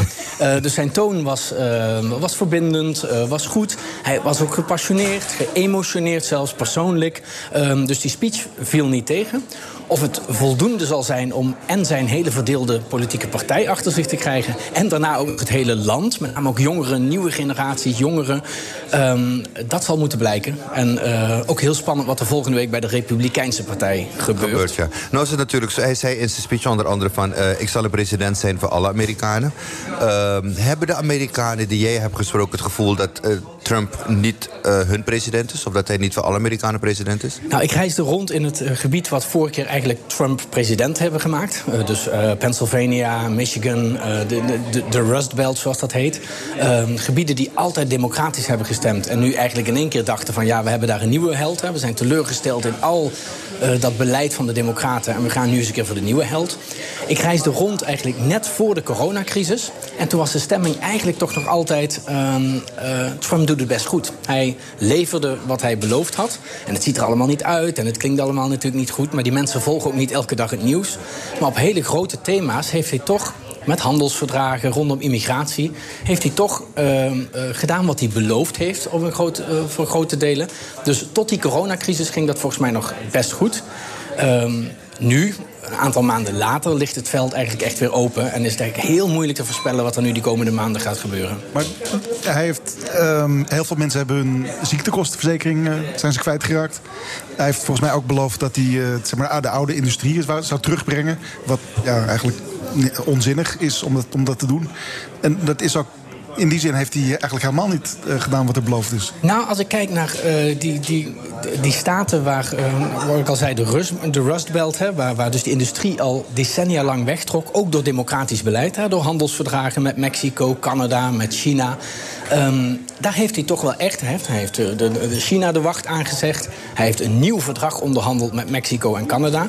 En nogmaals, ik ben geen uh, Trump-aanhanger, geen Trump-fan. Maar op een aantal van dat soort gebieden heeft hij uh, die mensen toch weer hoop gegeven. Het heeft niet geleid in hele grote nieuwe fabrieken, maar toch op een aantal gebieden zie je dat daar wel weer enige dynamiek ontstond. En dat zien die mensen toch voor de eerste keer als iets wat hoopvol. Nogmaals, ja. dit is een aantal maanden geleden. En, je hebt het over die Rostbelt, je het over had. De mensen daar vinden het toch eigenlijk veel belangrijker... hoeveel een gallon uh, benzine kost. Het kan ze toch verder niet schelen wat er gebeurt in, uh, in zeg maar Oost-Europa of in het Midden-Oosten? Nee, wat die vooral belangrijk vinden is dat ze een baan hebben. Uh, ja. Dat het, het, het, wegtrekken van jongeren uit dat soort gebieden, dat dat stopt. Dat er industrie niet meer verder wegtrekt. En dat zit toch in die handelsverdragen. Ja. maar heeft Trump dat de afgelopen drie jaar heeft hij dat aantoonbaar gemaakt voor ze? Dat dat, dat echt ook gebeurt? Of... Uh, nou, hij heeft, en daar kun je ook heel veel, uh, uh, allerlei nuances bij bedenken. Maar hij heeft natuurlijk met China wel een keer gezegd: van ja, we hebben gewoon slechte handelsdeal met, handels, handelsdeals en afspraken met China gemaakt. Dus hij heeft echt geprobeerd om China nieuwe afspraken te maken. En hij heeft het NAFTA-verdrag, ooit door Bill Clinton uitonderhandeld met Canada en met Mexico. Waardoor er ook veel laaggeschoolde arbeid naar Mexico wegvloeide, heeft hij ook opgezegd, opnieuw onderhandeld en een nieuw verdrag gesloten. En dat zijn toch kleine dingen. Nogmaals. Uh, uh, voor de kleine man daar we heel veel betekenen. Uh, nou, dat in ieder geval weer wat hoop brengt voor die gebieden. En ik ben echt door gebieden gekomen. Ik zeg altijd Wheeling, West Virginia. Daar uh, schrijf ik een hoofdstuk over. Nou, dat zijn echt troosteloze gebieden waar op straat iedereen gebogen loopt. Waar het hele centrum, ja, er is geen winkel meer over. Industriegebieden eromheen helemaal verlaten. En jongeren allemaal weggetrokken. En de kunst is toch om dat soort gebieden. En in Nederland hebben we ook gebieden waar ooit een keer de industrie wegtrok. Hè? Tilburg, Enschede, de textielindustrie, Zuid-Limburg. Alleen we hebben hier toch altijd een traditie dat we denken van kunnen we daar nieuwe industrie, nieuwe economie terugbrengen. Maar Trump, en dat is daar nooit gebeurd. Als je in, in Nederland, in Limburg aankomt met van laten we de mijnen weer open doen.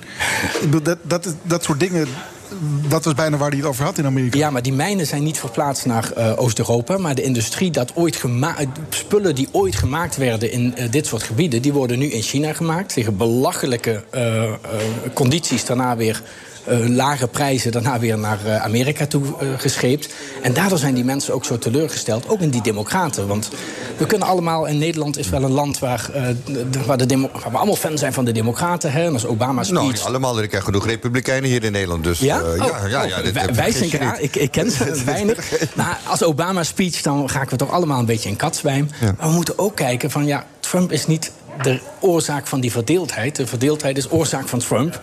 Uh, uiteindelijk. Wat was... moet je even uitleggen? Nou, de verdeeldheid was er al voor Trump. Mm -hmm. En Trump is daar een soort ja, voorlopig. Katalysator diepte, van geweest. Ja, voorlopig dieptepunt van. Of voorlopig hoogtepunt, of hoe je dat ook wil zien. Heeft die beter gemaakt in ieder geval. Nee, hij heeft, hij die, uh, hij heeft fijn doorgaan. Hij heeft die uh, verdeeldheid nog wat uh, dieper gemaakt. Maar uiteindelijk zijn die mensen die op hem stemden... wel ook teleurgesteld in decennia lang handelsverdragen... open grenzen, immigratie, ook veel democratisch beleid. En een van de verhalen ook uit mijn boek is... Eigenlijk, want alle verontwaardiging voor Trump is terecht. Hè? Uh, dus uh, dat we daar verontwaardigd over zijn wat hij zegt, wat hij doet. Alleen laten we een deel van onze verontwaardiging ook uh, bewaren voor de Democraten. Die er ook de afgelopen vier jaar niet in zijn geslaagd een alternatief verhaal neer te zetten. Ja. Nieuwe mensen te komen. Dat is waar. En dat mag je die Democraten echt wel verwijten. Ja, maar dat ze nu weer op de prop komen met uh, Joe Biden is natuurlijk ja. uh, bijna schandelijk. Maar gaat even over het boek, hè, want daarvoor zit je hier. Ja. Uh, ja. Waarom denken wij Nederlanders, eh, West-Europeanen, dat we Amerika kennen? nou, omdat we het de hele dag zien.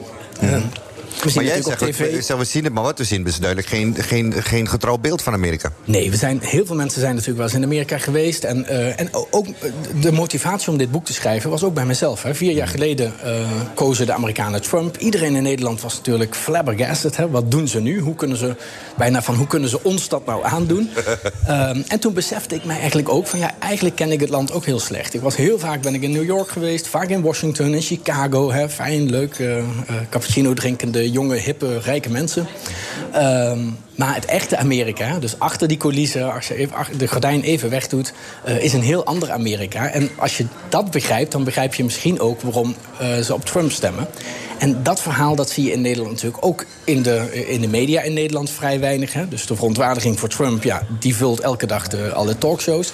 Maar om even te begrijpen van wat zit daar nou achter. Dat zijn, en we zien ook vaak... Heb je, heb je je vinger erachter kunnen zetten? Want je bent door vier staten ben je gereisd. Eh, van Washington naar Chicago ging je door vier staten. Allemaal staten die overtuigend op Trump hebben gestemd. Maar heb je je vinger erachter kunnen zetten wat het was voor die mensen? Ehm, ja, dat is toch uiteindelijk eh, teleurstelling. Hè? Die Amerikaanse droom. Eh, die uiteindelijk ja, nooit meer is geworden voor heel veel mensen dan een droom. Eh, mensen die helemaal af zijn gehaakt, teleur zijn gesteld.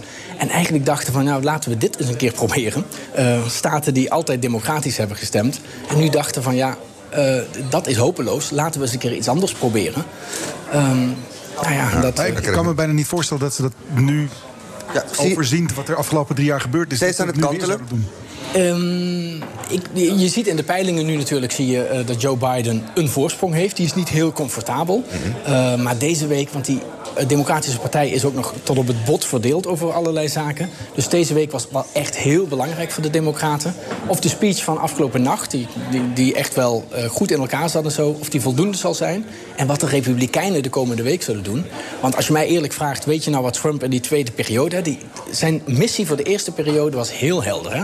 Make America Great Again. Echt, eh, dat was echt wel een lonkend perspectief. Eh, maar wat Robert net ook zegt, wat hij nu eigenlijk op tafel wil leggen voor die tweede periode...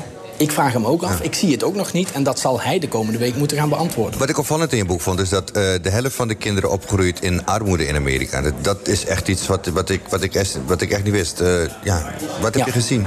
Nou, ik heb daar, ehm, volgens mij eh, schrijf ik over. nou, op een gegeven moment ga ik dan door Ohio, daar in het noorden. En dan zie je echt wel gebieden nou, waar die industrie weg is getrokken, waar die mensen ook helemaal teleurgesteld zijn en waar je echt de armoede ziet. En Amerika kent natuurlijk geen hele grote herverdelingsmachine zoals wij dat in Nederland kennen. Ja. En dat was ook altijd eigenlijk prima. Hè? Dat, daar heeft Amerika nadrukkelijk voor gekozen. Zolang er maar die hoop was, die, Am- die American Dream, American Dream, ja. dat je het wel uiteindelijk kon maken. Hè? Dat je ook rijk kon worden. Of dat je in ieder geval een goed inkomen zou kunnen voorzien. En die droom is de afgelopen, ja, eigenlijk al wel decennia... maar eh, ook de afgelopen jaren natuurlijk wel steeds verder weggeraakt voor velen. Dus dat gaat uiteindelijk natuurlijk ook ja, de stabiliteit in dat land niet ten goede komen. Gaat dit redden dit jaar? De verkiezingen, Ehm, Trump? Ik zeg altijd, het mij de dag na de verkiezingen. En misschien nu met, met allemaal dat eh, stemmen met post... vraag het mij een paar weken na de verkiezingen, dan weten we het. dan weten we het. Eh, na vier jaar geleden zou ik geen voorspelling meer durven doen. Maar in ieder geval, die voorsprong van Joe Biden... hij is niet comfortabel genoeg om te denken van hij gaat het wel redden. Het kan nog spannend worden. Nou, dankjewel. Mark Verheijen, dames en heren. Hij schreef het boek We kennen Amerika eigenlijk. Ja, zo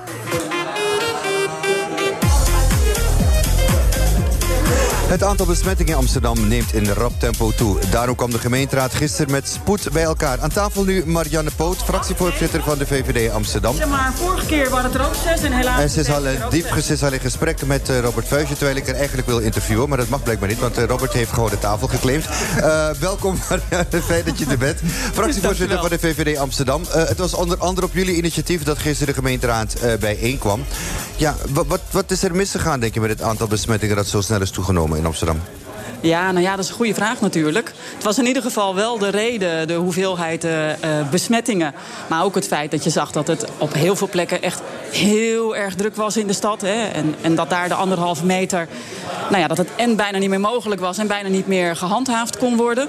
Nou, dat was wel de reden waarom we zeiden, ja, we moeten echt wel bij elkaar komen om, eh, om dit te bespreken. Want ja, kijk, een, een, een tweede golf... Nou, dat, dat wil je en de zorg niet aandoen, maar laten we eerlijk zijn... dat wil je ook de economie, zowel niet de economie van Amsterdam... maar ook niet van Nederland aandoen. Ja, nou is het zo dat ik, eh, ik ben de afgelopen dagen twee keer in de stad geweest. En ja, ik moet je echt zeggen, ik, ik kwam eh, bijvoorbeeld op het Leidseplein kwam ik met mijn dochter. We moesten eh, in, daar in de winkel zijn. Wij waren de enige twee die met de mondkapje rondliepen. Verder, ja, het leek alsof iedereen zoiets heeft van... we zijn toch in Amsterdam, ga je toch met de mondkapje rondlopen. Ook alle toeristen die hier naartoe komen. Dat zijn toeristen die in hun eigen land verplicht met de mondkapje rondlopen... en hier gewoon in gang kunnen gaan. Ja, nou, ik denk dat dit ook een van de problemen is. Hè. Er zijn een aantal gebieden aangewezen eh, waar mensen mondkapjes moeten dragen. Ehm, en natuurlijk, hè, ik bedoel, het is nog niet officieel een richtlijn van het RIVM. Maar ja, luister, als, als uh, dit is wat we met elkaar afspreken. En als we daarvan zeggen, joh, dit gaat besmettingen voorkomen, doe het dan alsjeblieft. Maar ik loop ook uh, door de stad. En ik loop bijvoorbeeld ook over, over de wallen. En, en ik zie gewoon dat. Nou, weet je, als het 20% is van de mensen die een mondkapje op heeft, is het veel. En het grote probleem is ja, dat er ook niet op gehandhaafd wordt. Precies. Wat is jouw politieke analyse waarom wij zo afwijken van alle landen om ons heen? Ja, uh, om heel eerlijk te zijn, denk ik dat het goed is dat wij uh, uh, het RIVM volgen. Ik denk dat het goed is dat wij één instituut hebben en dat ook daadwerkelijk volgen. Maar als je dan richtlijnen stelt met elkaar, zorg dan ook dat ze gehandhaafd worden. En, en laat ik eerlijk zijn, hè. kijk, onze politie en onze handhavers ze doen hartstikke goed werk. Alleen ja, we weten natuurlijk ook al jaren dat handhaving wel een probleem is in Amsterdam. Nou ja, en dat, ik denk dat dat wel een van de oorzaken is waarom je nu dus ziet dat de hoeveelheid besmettingen uh, ja, helaas ook wel echt de klauw uitloopt. En je moet je echt voorstellen, dat zijn er 110, 120 per dag. Nou, dus zover zaten we helemaal aan het begin van de crisis. Hè? Toen we in uh, half maart, half april, toen zaten we op dat aantal. En nu zitten we er weer op. Ja. dat is natuurlijk uh, ontzettend verontrustend. Ja, maar je krijgt nu ook berichten van dat er minder mensen het ziekenhuis ingaan. Je hebt minder IC-opnames, ondanks het toename van de besmettingen. Uh, de behandeling is zo succesvoller, is het gebleken. dat je nu 30% meer kans hebt op genezing of snellere kans hebt op genezing. Dat helpt ook niet mee natuurlijk om de mensen te overtuigen dat ze zich aan de regels moeten houden. Nee, maar dat, dat zie je natuurlijk ook. Hè? En, en je merkt het waarschijnlijk zelf ook wel dat, dat de urgentie om je aan regels te houden, ja, die wordt minder. Maar aan de andere kant, hè, tuurlijk, het zijn nou met name jongeren die uh, besmet zijn en die worden hoogstwaarschijnlijk minder ziek. Maar die hebben wel allemaal het risico dat ze ook oudere mensen, hè, mensen die, die wel in het ziekenhuis of wel op een IC komen, om die ook te besmetten. En ik vroeg uh, gisteren in het uh, debat, of voorafgaand aan het debat, vroeg ik ook aan de directeur van de GGD. Nou, wat, wat raad je ons nou aan? Hè? Wat, wat, wat denk je nou dat goed is om aan maatregelen te nemen? Nou, zegt ze, je moet helemaal geen extra maatregelen nemen. Je moet gewoon zorgen dat die maatregelen die we allemaal hebben afgesproken... anderhalve meter, uh, niet omhelzen, niet zoenen, uh, thuiswerk... je moet gewoon zorgen dat je die uitvoert. Ja. ja, en hoe rot ook, want het is niet leuk, maar daar ook wel op handhaaft. Ja, maar nou weten we zelf dat in Amsterdam handhaven bijna onmogelijk is. Ik bedoel, heeft de burgemeester genoeg mensen om te handhaven? Nou ja, nee. Dit is natuurlijk ook, dat ook gisteren uh, besproken. Hè. En, en nogmaals, politie en handhavers. Ik ben er echt van overtuigd dat ze doen wat ze, wat ze kunnen. Maar we weten natuurlijk al lang dat we eigenlijk te weinig agenten hebben in Amsterdam. En, en dat we ook te weinig handhavers hebben in, in Amsterdam. En ja, om, om, heel eerlijk te zijn, uh, als je dan ziet dat er uh, toch wel extra maatregelen in Amsterdam worden aangekondigd als de hoeveelheid besmettingen dan nog omhoog gaan. Ja, dat is natuurlijk best wel La, laat ik zo zeggen, ik snap het. Maar tegelijkertijd, als je de huidige maatregelen al niet kan handhaven... Denk je, waar heb je het over? Ja.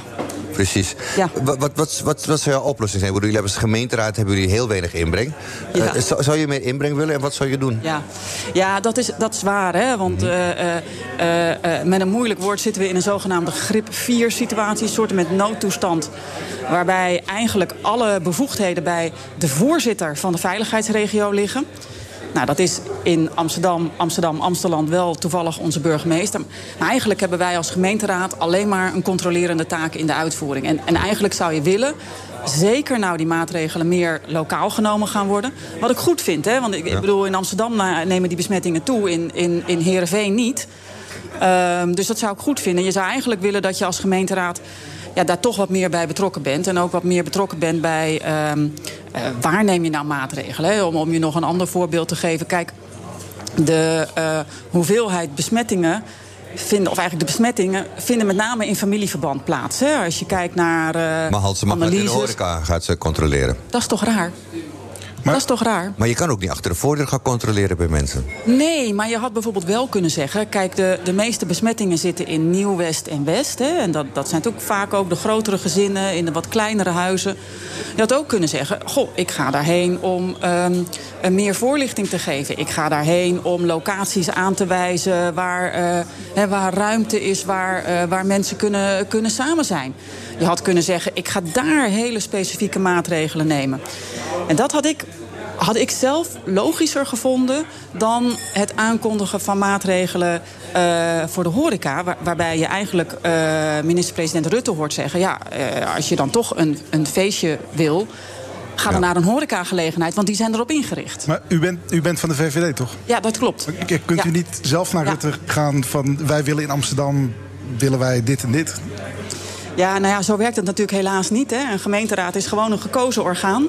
Maar je en, kan het toch uh, bellen? hela- ja, nee, ja, tuurlijk. Maar helaas, hè, helaas zit de VVD uh, in Amsterdam in de oppositie. Um, wat ik natuurlijk niet hoop dat we dat nog een keertje doen. Maar dat, uh, ja, dus, dus dat, ja, dat betekent wel dat, ja, dat, dat wij het daar helaas niet helemaal voor het zeggen hebben. Waarbij ik wel moet zeggen hoor, dat, dat ook in het debat gisteren zag je eigenlijk alle partijen. Uh, alle partijen hadden zorg. En alle partijen hadden diezelfde zorg die ik hier ook uit. Over handhaving, over het feit dat besmettingen in families plaatsvinden. Alle partijen hadden daarin wel dezelfde zorg. Ja. Denk je dat er een nieuwe lockdown aankomt? Nou, daar wil ik eigenlijk helemaal niet over nadenken. ik ik denk... dwing je even om het toch wel te doen. Ja, ik hoor het. ik hoor het. nou, om, om heel eerlijk te zijn, denk ik kijkend naar uh, de ernst van de persconferentie, kijkend naar uh, de ernst van de uh, besmettingen, om heel eerlijk te zijn, denk ik, en misschien hoop ik het ook wel enorm, dat iedereen zich dit wel is gaan realiseren. En niemand heeft zin in een nieuwe lockdown. Dus om heel eerlijk te zijn, eerlijk antwoord op jouw vraag: nee. Maar dat komt meer omdat ik denk... Je hebt nog geloof in de goedheid van exact, de mensen. Exact, exact. Ja, dat siert je als politicus. Ja. Dat, dat siert je echt, ja. Op meerdere middelbare scholen in de regio Amsterdam... moeten leerlingen en medewerkers nu ook een mondkapje gaan dragen... als ze door de gangen lopen. Zal dat zo dan de dijk zetten? Ja, dat is lastig. Hè? Je ziet dat er nu overal uh, onderzoeken worden gedaan. Helpen mondkapjes nou of niet? Hè? En je, je ziet in ieder geval dat is gebleken dat het een mondkapje... Uh, want dat was een beetje de vraag. Hè? Zorgt een mondkapje nou voor gevaarlijker gedrag. Hè? Dat je dichter bij elkaar staat of voor, voor minder gevaarlijk gedrag. Het is in ieder geval gebleken dat het niet voor gevaarlijker gedrag zorgt. En dan moet ik heel eerlijk zeggen, kan ik me wel voorstellen dat uh, scholen dit soort maatregelen nemen. Dat kan ik me voorstellen. Ik kijk ook naar landen om ons heen. Ja. Waar het ook gebeurt. Uh, je, had het net al een beetje over zeg maar, de, de zogenaamde achterstandswijken. Uh, die zijn nu in beeld. Komen vandaag op BNR hadden we een, een heel nieuwsitem erover. We hebben heel onderzoek gedaan hoe erg het daar gesteld is. Um, hoe komt het dat, dat, dat die achterstandswijken zo altijd uit het vizier blijven van, van de politiek en, en, en ja, de bestuurders? Wat, wat, wat is dat toch? Ja, ik weet ook niet of dat zo, of dat zo is. Als ik kijk naar uh, de... Nou, als wij er vandaag niet zo over hadden gezegd... was het ook niet naar buiten gekomen. Ja. Ja, dat, nou ja, no, nogmaals, hè, ik weet niet of het zo is. We hadden het er gisteren hebben we het er ook uitgebreid over, uh, over gehad. Ja. En als je het hebt over de coronabesmettingen... is het, is het logisch ook hè, dat, uh, dat ze daar plaatsvinden. Want ik bedoel, dat zijn de wijken waar mensen uh, uh, met grote gezinnen wonen, in kleine huizen wonen. Nou ja, hè, als we dan weten dat de besmettingen in familieverband plaatsvinden, ja. is het ook logisch dat het, ja. dat het daar plaatsvindt. Op de markt kan het ook gebeuren. De markt is zo, je, je gulden daalder, waar ja. adem uh, nog veel meer mensen. Ja, precies. Amster, Amsterdamse ondernemers spannen een kortgering aan om te bereiken dat de mondjes, mondkapjesplicht op de Albert Kuip wordt ingetrokken. Wat vind je daarvan? Ja. Ja, ja kijk, om, om heel eerlijk te zijn... Uh, ik zou ondernemers veel liever oproepen om... Uh, uh, hun klanten en hun gasten op de anderhalve meter te wijzen. Te zorgen dat ze afstand houden. Te zorgen dat ze hun handen wassen en, en desinfecteren. Ik zou veel liever hebben dat alle ondernemers... en ook clubs hebben bijvoorbeeld... nou, je hebt ook gelezen ja. wat er met de clubs gebeurd is in, in Amsterdam. Ik zou veel liever willen dat iedereen zegt... oké okay, jongens, schouders eronder. Dit doen we gewoon, want als we dit doen... weet je, dan dat is de beste garantie... dat we op een gegeven moment ook weer gewoon naar normaal over kunnen. Ga je zo met je mondkapje naar huis? Nee, nee ik ben op de fiets. Ja?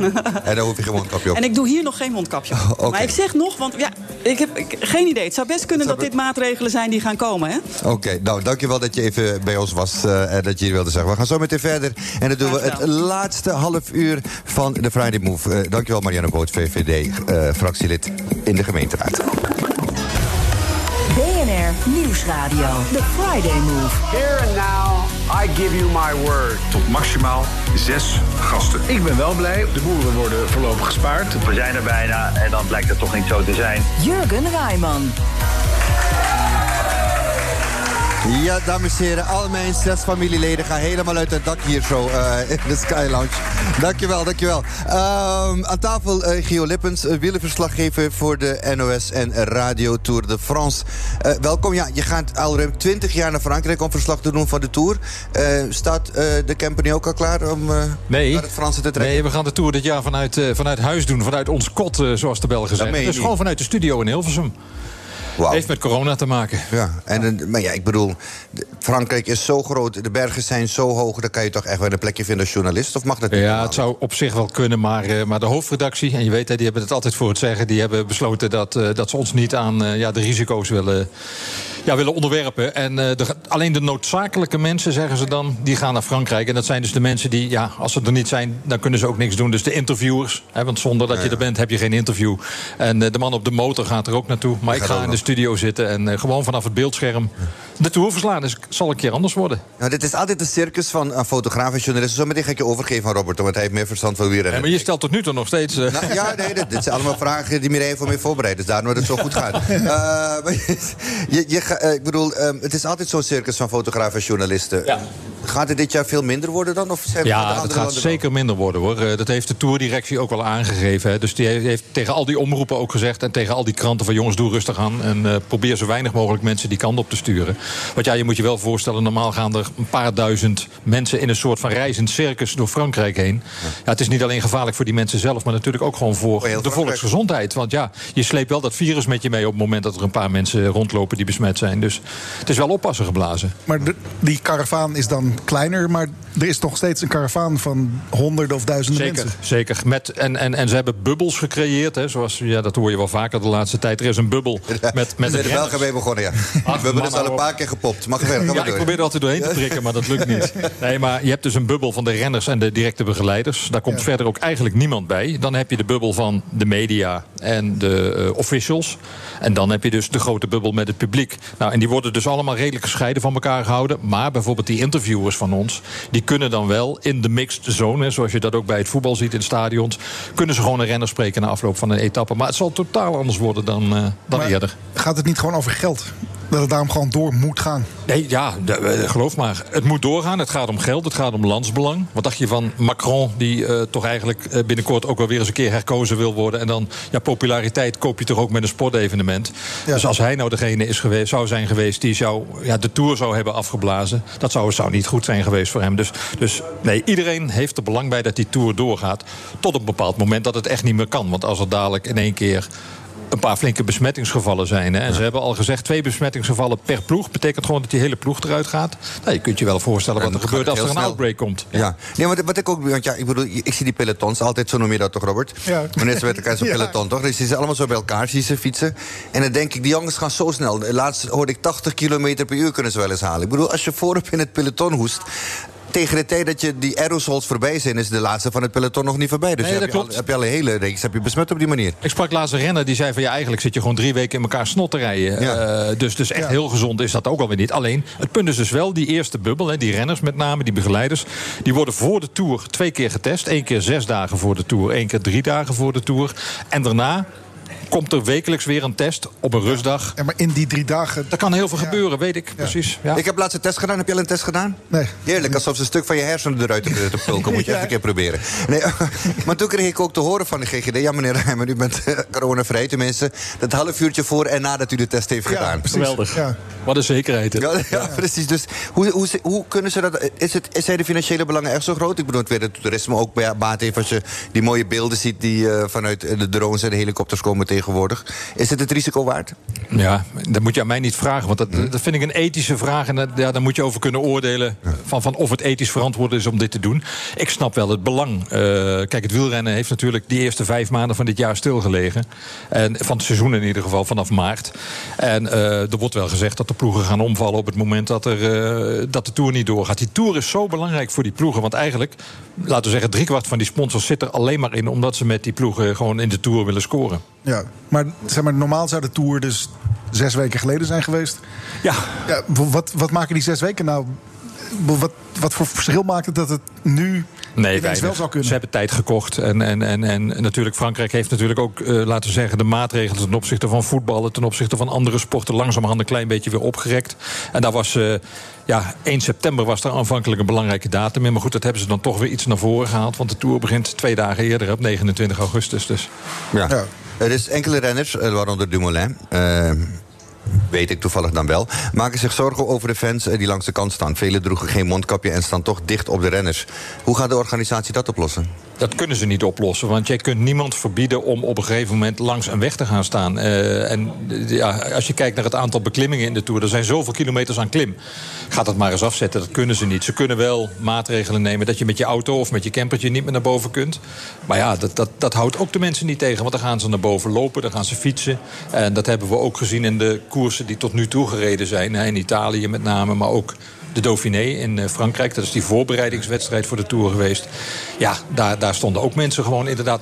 eh, zij aan zij aan de kant van de weg. En inderdaad, daar staat er eentje zonder mondkapje en die hoest. Ja, wat doe je dan? Ja, wat ik altijd leuk vond aan die races was de rondemis. Wanneer je dan zo aan het eind van de race had je gaat en dan kreeg je dan een zoen van de rondemis. Ik kan me voorstellen dat sommige jongens daarvoor even extra hard gingen fietsen. eh, in die Er zijn zelfs renners getrouwd met rondemissen. Met rondemissen, ja. Nou, op een gegeven moment, vorig jaar kwam dat hele eh MeToo gebeuren... kwam daar toen ter sprake dat hij niet meer mocht. Ja, nu hebben ze een goede reden om niet meer te zoenen. Of eh, zijn die wielrenners zo van... jongens, ik heb net een paar honderd kilometer in de benen... laat me even die zoen doen. Nou, ik denk dat die renners het eigenlijk wel prima zouden vinden. Maar, maar ik snap heel goed dat ze dat nu gedaan hebben. Dus dat ze zeggen van we doen het niet meer. En ik geloof dat de renners zelfs al in een apart tentje van iemand uit hun eigen ploeg. Als ze bijvoorbeeld de gele trui dragen, die gele trui krijgen. En dan naar het podium lopen. Even met een bosje bloemen zwaaien en weer het podium af. Het gaat alleen maar om de foto nu. Nu gaat het echt om de foto alleen. Ja, precies. Eh, ja, ander ding, Radio Tour de France bestaat dit jaar 50 jaar. Is het niet extra pijnlijk dat je dan er niet bij bent? Ja, dat is wel eh saillant, om het zo maar te zeggen. nee, maar kijk, ik ga het wel enorm missen. Maar aan de andere kant, ik begrijp ook best wel... Ja, dat we in een hele rare tijd zitten op dit moment. En eh, ja, dat het gewoon even niet anders kan. Ik heb wel tegen de hoofdredactie gezegd... volgend jaar, als er geen corona meer is... dan eh, alsjeblieft toch wel weer naar die Tour. Want ja... Kijk, ze zouden ook kunnen zeggen: Oh, het gaat hartstikke goed zo. eh, dus zo. blijf, eh, dat is lekker goedkoop. Ah, Blijf de lekker in Rabobank- Nederland. Ja, dat heeft de Rabobank ook gedaan met al zijn werknemers. Het Nou, gaat dat goed bedoel zo. ik. We sluiten 81 Worden we een soort eh, commentaarautomaten. Ja, kan zo gebeuren. Ehm, ja, over, over tegenvallers gesproken, los van het 50 jaar dat je daar moet zijn. Eh, Jumbo Visma heeft natuurlijk ook eh, behoorlijk eh pech gehad met het uitvallen van Steven Kruijswijk. Dat weet ik veel, Robert. Ik zie echt vol bewondering naar me kijken. Je leest het voor. Ja, ja daarom. Zijn schouder Maar een goede redactie is het halve werk, dat weet ik ook. Zijn schouder raakte vorige week uit de kom. Eh, maar er blijkt ook wat meer aan de hand te zijn. Ja, er bleek nu een scheurtje in die schouder te zitten. Want ik moet je heel eerlijk zeggen dat ik vanaf het begin af aan, vanaf die valpartij, heb gezegd van nou, dat valt wel mee. Want kijk, het is geen judoka, het is geen rugbier of voetballer. eh, waarbij je flexibel moet zijn met je lijf. Een wielrenner zit gewoon gefixeerd op die fiets. Als je die schouder vastzet, ja. dan is er niks aan de hand. Maar ja, als er dan een breukje in zit, dan wordt het wel een ander verhaal. Hè. Dus het was niet alleen maar de schouder uit de kom en weer erin en verder. Ehm, gaan we winnen? Hangt er maar vanaf wie we zijn, hè? Maar, Nee, ja, Tom Dumoulin. Nou, ik weet het niet hoor. Ik, ik denk dat Roglic echt de beste papieren heeft op dit moment. Want Roglic is, is een killer. Eh, dat heeft hij ook wel bewezen hè, afgelopen jaar. Hij won toen de Vuelta, de Ronde van Spanje. Ehm Dumoulin heeft natuurlijk ook wel ooit de, de Giro gewonnen. Maar ik heb wel het idee dat Roglic dat hij wel heel slim is en, en heel goed in vorm is. En Dumoulin komt natuurlijk van heel ver weg. Ja. Die heeft vorig jaar natuurlijk eh, die val in de Giro gehad. Daarna gewoon 420 dagen hebben ze uitgerekend niet gefietst. 啊？Ja, tenminste wel gefietst, maar niet, Niet, geen, geen, geen geen wedstrijd, wedstrijden gereden. 420 dagen. En nou, eigenlijk is het verbazingwekkend dat hij zo goed meegaat op dit moment. Maar of hij nou de Tour kan winnen, ik durf het gewoon niet hardop te zeggen. Ik denk, ik denk echt dat Roglic de beste kans maakt. En Bernal aan de andere kant. En wat gaat Jumbo Visma doen? Wie gaan ze naar voren schuiven als kopman? Ja, Roglic, denk Ja, ik. Roglic. Eh, dat, eh, ik. Ik zou dat persoonlijk wel doen. Eh, maar zelfs als Kruiswijk er ook bij was geweest... kijk, dan hadden ze Roglic gehad als aangewezen slagman... om even in de honkballen te blijven. En dan die twee anderen als een soort ja, eh, backup... voor het geval dat er iets met Roglic gebeurt. Want dat kan natuurlijk altijd. Hè. Dat zien we nu in de aanloop naar de Tour. Er kan altijd iets gebeuren. Ja, eh Roglic kan ook vallen. En dan staat Dumoulin er inderdaad... eh, nou, niet alleen voor, maar dan, staat, dan moet hij het wel afmaken. Ja, ze hebben behoorlijk gedomineerd in de afgelopen tijd. Ja, de gele trui in Parijs, is die voor hun, denk je? Ja, ik denk het eerlijk gezegd wel. Ik denk dat zij sterker zijn dan de concurrent. En de, de concurrent is Team Ineos. Hè.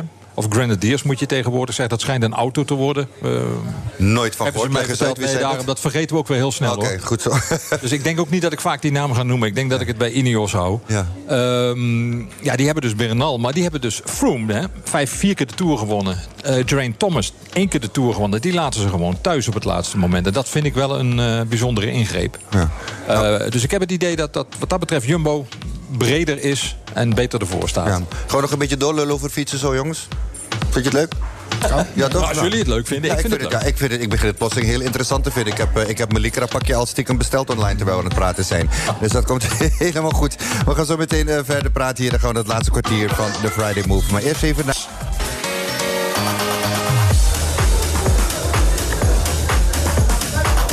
Ja, we gaan het laatste kwartier in van de Friday Move, dames en heren. Hier live vanuit de Sky Lounge in het Doubletree by Hilton in Amsterdam. Uh, bij mij aan tafel mijn co-host Robert Vuijsje. En ja, we gaan doorpraten over fietsen als het goed is. Dus we gaan nog even door met de Tour de France. En daarvoor hebben we Gio Lippens bij ons. En die blijft ook nog even hier. Iemand zegt hier, Nood zegt hier voor Jurgen. Wat was de beste? Hij zei van, uh, oh hier dit weer, dat, die auto. Waar is het? Ik vond het wel een mooie opmerking. Ja, hij zegt, uh, die uh, Grenadiers, dat is een soort Land Rover Defender. Zo'n vierkante treinauto. Dan moeten we hem helemaal vergeten. Dan moeten we helemaal vergeten, ja precies. We hebben helemaal niet aan terreinauto's. Nog, nog even toch wel door. Over, ik, ik heb ook nog wat vragen hier die voor me zijn voor, voorbereid. Dus die moet ik ook nog even uh, aan jullie stellen. Uh, de, de, Nederlandse, zeg maar, de Nederlandse inbreng dit jaar gaat natuurlijk uh, ja, het een stuk makkelijker hebben door alle afzeggingen die er binnen zijn gekomen. Wordt het nu tijd dat er echt ook een Nederlandse toerwinnaar komt, dat, zoals Robert dat zo zegt?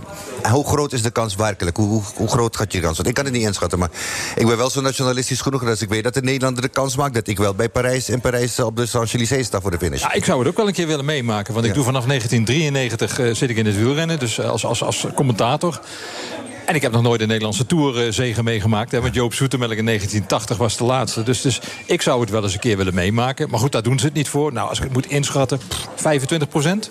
Ja omdat, ja, wat ik zeg, Roglic uh, schat ik voor 50% in. Die andere 25% is dan eventueel voor Bernal. Of, of dat is ook wel leuk, hè? want je hebt natuurlijk wel twee sterke blokken nu... met Ineos en met uh, Jumbo dat dus een, een, een outsider, uh, iemand van een andere ploeg... Hè, die lang niet zo'n sterke ploeg heeft... maar dat hij wel profiteert van die strijd. Ja. Want ja, dat, is, dat is het leuke wel van wielrennen. Ze gaan elkaar aankijken. Ze gaan elkaar proberen een beetje uit te roken. Uh, dus op het moment dat er een kopgroepje weg is... dan zegt Jumbo tegen uh, Ineos van... gaan jullie dan maar achteraan rijden, want wij hebben er geen belang bij. Ah. En dan kun je dus een heel raar spel krijgen. En dan kan dat dus in één keer... Wout Poels bijvoorbeeld, hè, renner van Bahrein... Nederlander ook. Ja. Die kan zomaar in één keer uh, vijf minuten voorsprong pakken. Ja, en dan, dan moet ik het nog allemaal gaan zien. En dat geldt ook voor Thibaut Pinot. En nou ja, zo heb je wel meer... Uh, Bauke Mollema? Bauke Mollema. Richie Porter, ploeggenoot van Mollema. Ja. Maar dan hoop ik natuurlijk op Mollema. Ja, tuurlijk. Ook, dat, dat zou ik echt fantastisch vinden. Bauke Mollema die de Tour wint. Ik bedoel, ik, ik, ik acht de kans heel klein. Waarom? Ah, omdat het een... Bauke is, Mollema wat is een, stripfiguur. Bauke Mollema is een stripfiguur. Dat vind ik, dat vind ik het ja? mooie. Dat is iemand die boven die sport uitstijgt. Uh, het is niet gewoon zomaar een sportman, maar het is een karakter, om het zo maar te zeggen. Ja, maar dat heb je toch nodig? Dat ja, was, dat, tuurlijk. Ik bedoel, Kneteman toch ook een karakter? Ja, nou, maar dat soort types heb je nodig. Van die uh, mensen die, die dus, dus het verhaal gewoon interessanter maken. En bij Bauke Mollema, als je hem ziet fietsen... denk je iedere keer van, ach jongens, dat doet pijn. En wat is dit zwaar? En, en, en wat ziet die jongen af? Ja. Maar ja, hij doet het wel. Hij doet het wel elke keer, ja. Hij fietst lelijk, maar dat is juist het mooie ervan. Heb jij nog een favoriet, Robert? Um, nou ja, Tom Dumoulin. Toch wel, hè? Bij, de, de, de, Nederlandse naam Tom Dumoulin. Dat klinkt niet heel Nederlands. Voor de Fransen is dat ideaal. Het wel fijn, ja. Die hadden ook een andere Dumoulin. Uh, die, die, dat was een sprintertje, gelukkig hoor. Dus dat was een totaal verschillend type van Tom Dumoulin. Want anders gingen ze ze nog door, door elkaar halen ook. Maar goed, die andere die rijdt niet meer. Die, die, die is gestopt met rijden nu. Ja, gelukkig. okay, ja, precies. Nou, fijn dat je, dat je nog even met ons hebt willen toelichten hier. Heel Dankjewel. En uh, ja, veel plezier, uh, zou ik zeggen, vanuit huis. Woon-werkverkeer, hè? Nu ja, gewoon drie weken lang. Gewoon, ja. en op tijd, op tijd eten. Forensen naar de Tour de France, hoe cool is dat? Dank je, dank je wel, jullie, dames en heren. Uh, ja, Robert, uh, we gaan het ons, uh, onze laatste periode in samen. Ik wil toch nog even terugkomen op het, op het boek ja. wat je hebt geschreven. Ehm, Laat me het goed zeggen, waar kom jij echt vandaan? Dat is Maar- de titel. maar maar waar kom- oh ja, maar waar kom je echt vandaan? Zo is het. Waar kom je echt vandaan? Eh 300 interviews die je hebt gedaan voor de Volkskrant. Ja, ja er zijn altijd, je, je hebt 100 uitgekozen, maar er zijn altijd interviews eh, tussen die, ja, waarvan iets bijzonders is bijgebleven. Ja. Ehm, nou, ja, ik vond het leuk dat ze zo ja, tot heel divers waren. Dus sommige waren heel grappig. Bijvoorbeeld met eh eh, Def Rhymes, de rapper. Ja. Eh, hebben we het, eh, nou, ja, ging het halve interview over eh, dat hij zeg maar billen in Nederland geïntroduceerd heeft. Wist het naar zijn eigen gevoel. En dat hij zich verbaasde over de ontwikkeling dat eerst zeg maar, ging het om zwarte billen. En dat naar zijn gevoel nu ook witte billen groot en rond kunnen zijn. Ja, en want ze eten ook McDonald's. en dat was twintig jaar geleden was dat niet zo. Ja. Dus het kan over, nou, over een heel zeg maar, een licht onderwerp gaan. Maar het, ja, het ging ook over, zeg maar, over serieuze dingen. Wat was het meest aangrijpende wat je nog kan herinneren? Ehm, nou, wat ik me kan herinneren, volgens mij in het boek is denk ik de tweede aflevering. En in, in de serie was het denk ik de derde. Mhm. Was met Fresco. Die uit, eh, zijn vader komt uit, van Curaçao. Curaçao, ja. En zijn moeder komt uit Eindhoven. Dus hij is eh, grotendeels met de familie van zijn moeder opgegroeid in Eindhoven. En voelt zich ook een, een Brabander, is voor PSV en eh, voelt zich helemaal eh, Eindhovens. Maar tegelijkertijd weet hij, of heeft hij van zijn vader gehoord... dat ooit voordat hij geboren werd, kwam zijn moeder natuurlijk thuis met, met zijn vader. In, dat, in die eh, Brabantse familie. En dat die, dus de mensen met wie hij is opgegroeid, zijn opa en oma, zijn, eh, nou ja, gewoon zijn eigen zijn vlees en bloed, niet heel enthousiast waren toen die Antilliaanse man hun familie binnenkwam. En eh, tegelijkertijd voelt hij wel dat ja, dat is zijn eigen familie. Dus dat, zeg maar, dat dubbele gevoel van er, ja, er graag bij willen horen, maar dat dit toch ja, iets is ja, waarvan je weet, nou, ik, voel, ik pas er toch niet helemaal, hoor niet, zeg maar, zonder overgave eh, pas ik er niet helemaal bij. Dat dubbele gevoel vond ik heel, eh, ja, hoe hij dat vertelde. En notabene ging het dan over zijn eigen familie. Ja. Dat gevoel herkende ik natuurlijk eh, door, nou ja, door de, ja, zeg maar de geschiedenis van mijn eigen Van familie. eigen familie. Eh, herken, nou, ik voel me ook een Nederlander. Ik woon al mijn hele leven in Amsterdam. Ik voel me hier thuis, maar wel in de wetenschap dat hier in Amsterdam eh, ja, een heel groot deel van mijn familie eh, ja, eh, vermoord is. Terwijl de meeste Nederlanders die daar toen woonden, daar nou niet heel erg overdreven hun best hebben gedaan om dat, om Tegen dat te, voorkomen. ja. Ja. Dus dat, dat dubbele gevoel is denk ik ja, wat veel mensen hebben die een, eh, ja, een dubbele afkomst hebben. Ja. Je, hebt, je, hebt, je hebt moeten kiezen uit die 300. Wordt, wordt die serie nog een keer uitgezonden opnieuw? eh, in dit, of wordt het nog een keer opnieuw Eh, geprint? die serie loopt nog. Loopt nu nog steeds, dus de, ja. Aanstaande dinsdag staat, staat er weer een aflevering in. Ja, wat ik mooi vond is dat jij me toen had gebeld. Om heb je iedereen ook nagebeld om te vragen als het nog een keer... Als, ja, vaak wel. Om, met veel van die mensen, het zijn er in totaal 300. Met een aantal ben ik bevriend geraakt en heb ik contact gehouden. en eh, ja, dat kan, als het er zoveel zijn, Ja, kan ja. dat gebeuren. Oké, ja. Ik was toen dat ik zeg van ja, ik was toen heel boos toen ik het interview met je maakte. Dat ik kijk nu heel anders naar de wereld aan. Heb je nog meer mensen die dat hadden? Die zeiden van nou, je kan het weer uitzenden, maar het is toch niet meer zoals ik erin zit misschien. Ja, eh, bijvoorbeeld eh, Johan Frets zei dat ook. Mhm. Die was toen, toen ik hem sprak, iets van drie of vier jaar geleden... was hij met dit hele onderwerp van... hij is zeg maar, half Nederlands en half Surinaamse afkomst...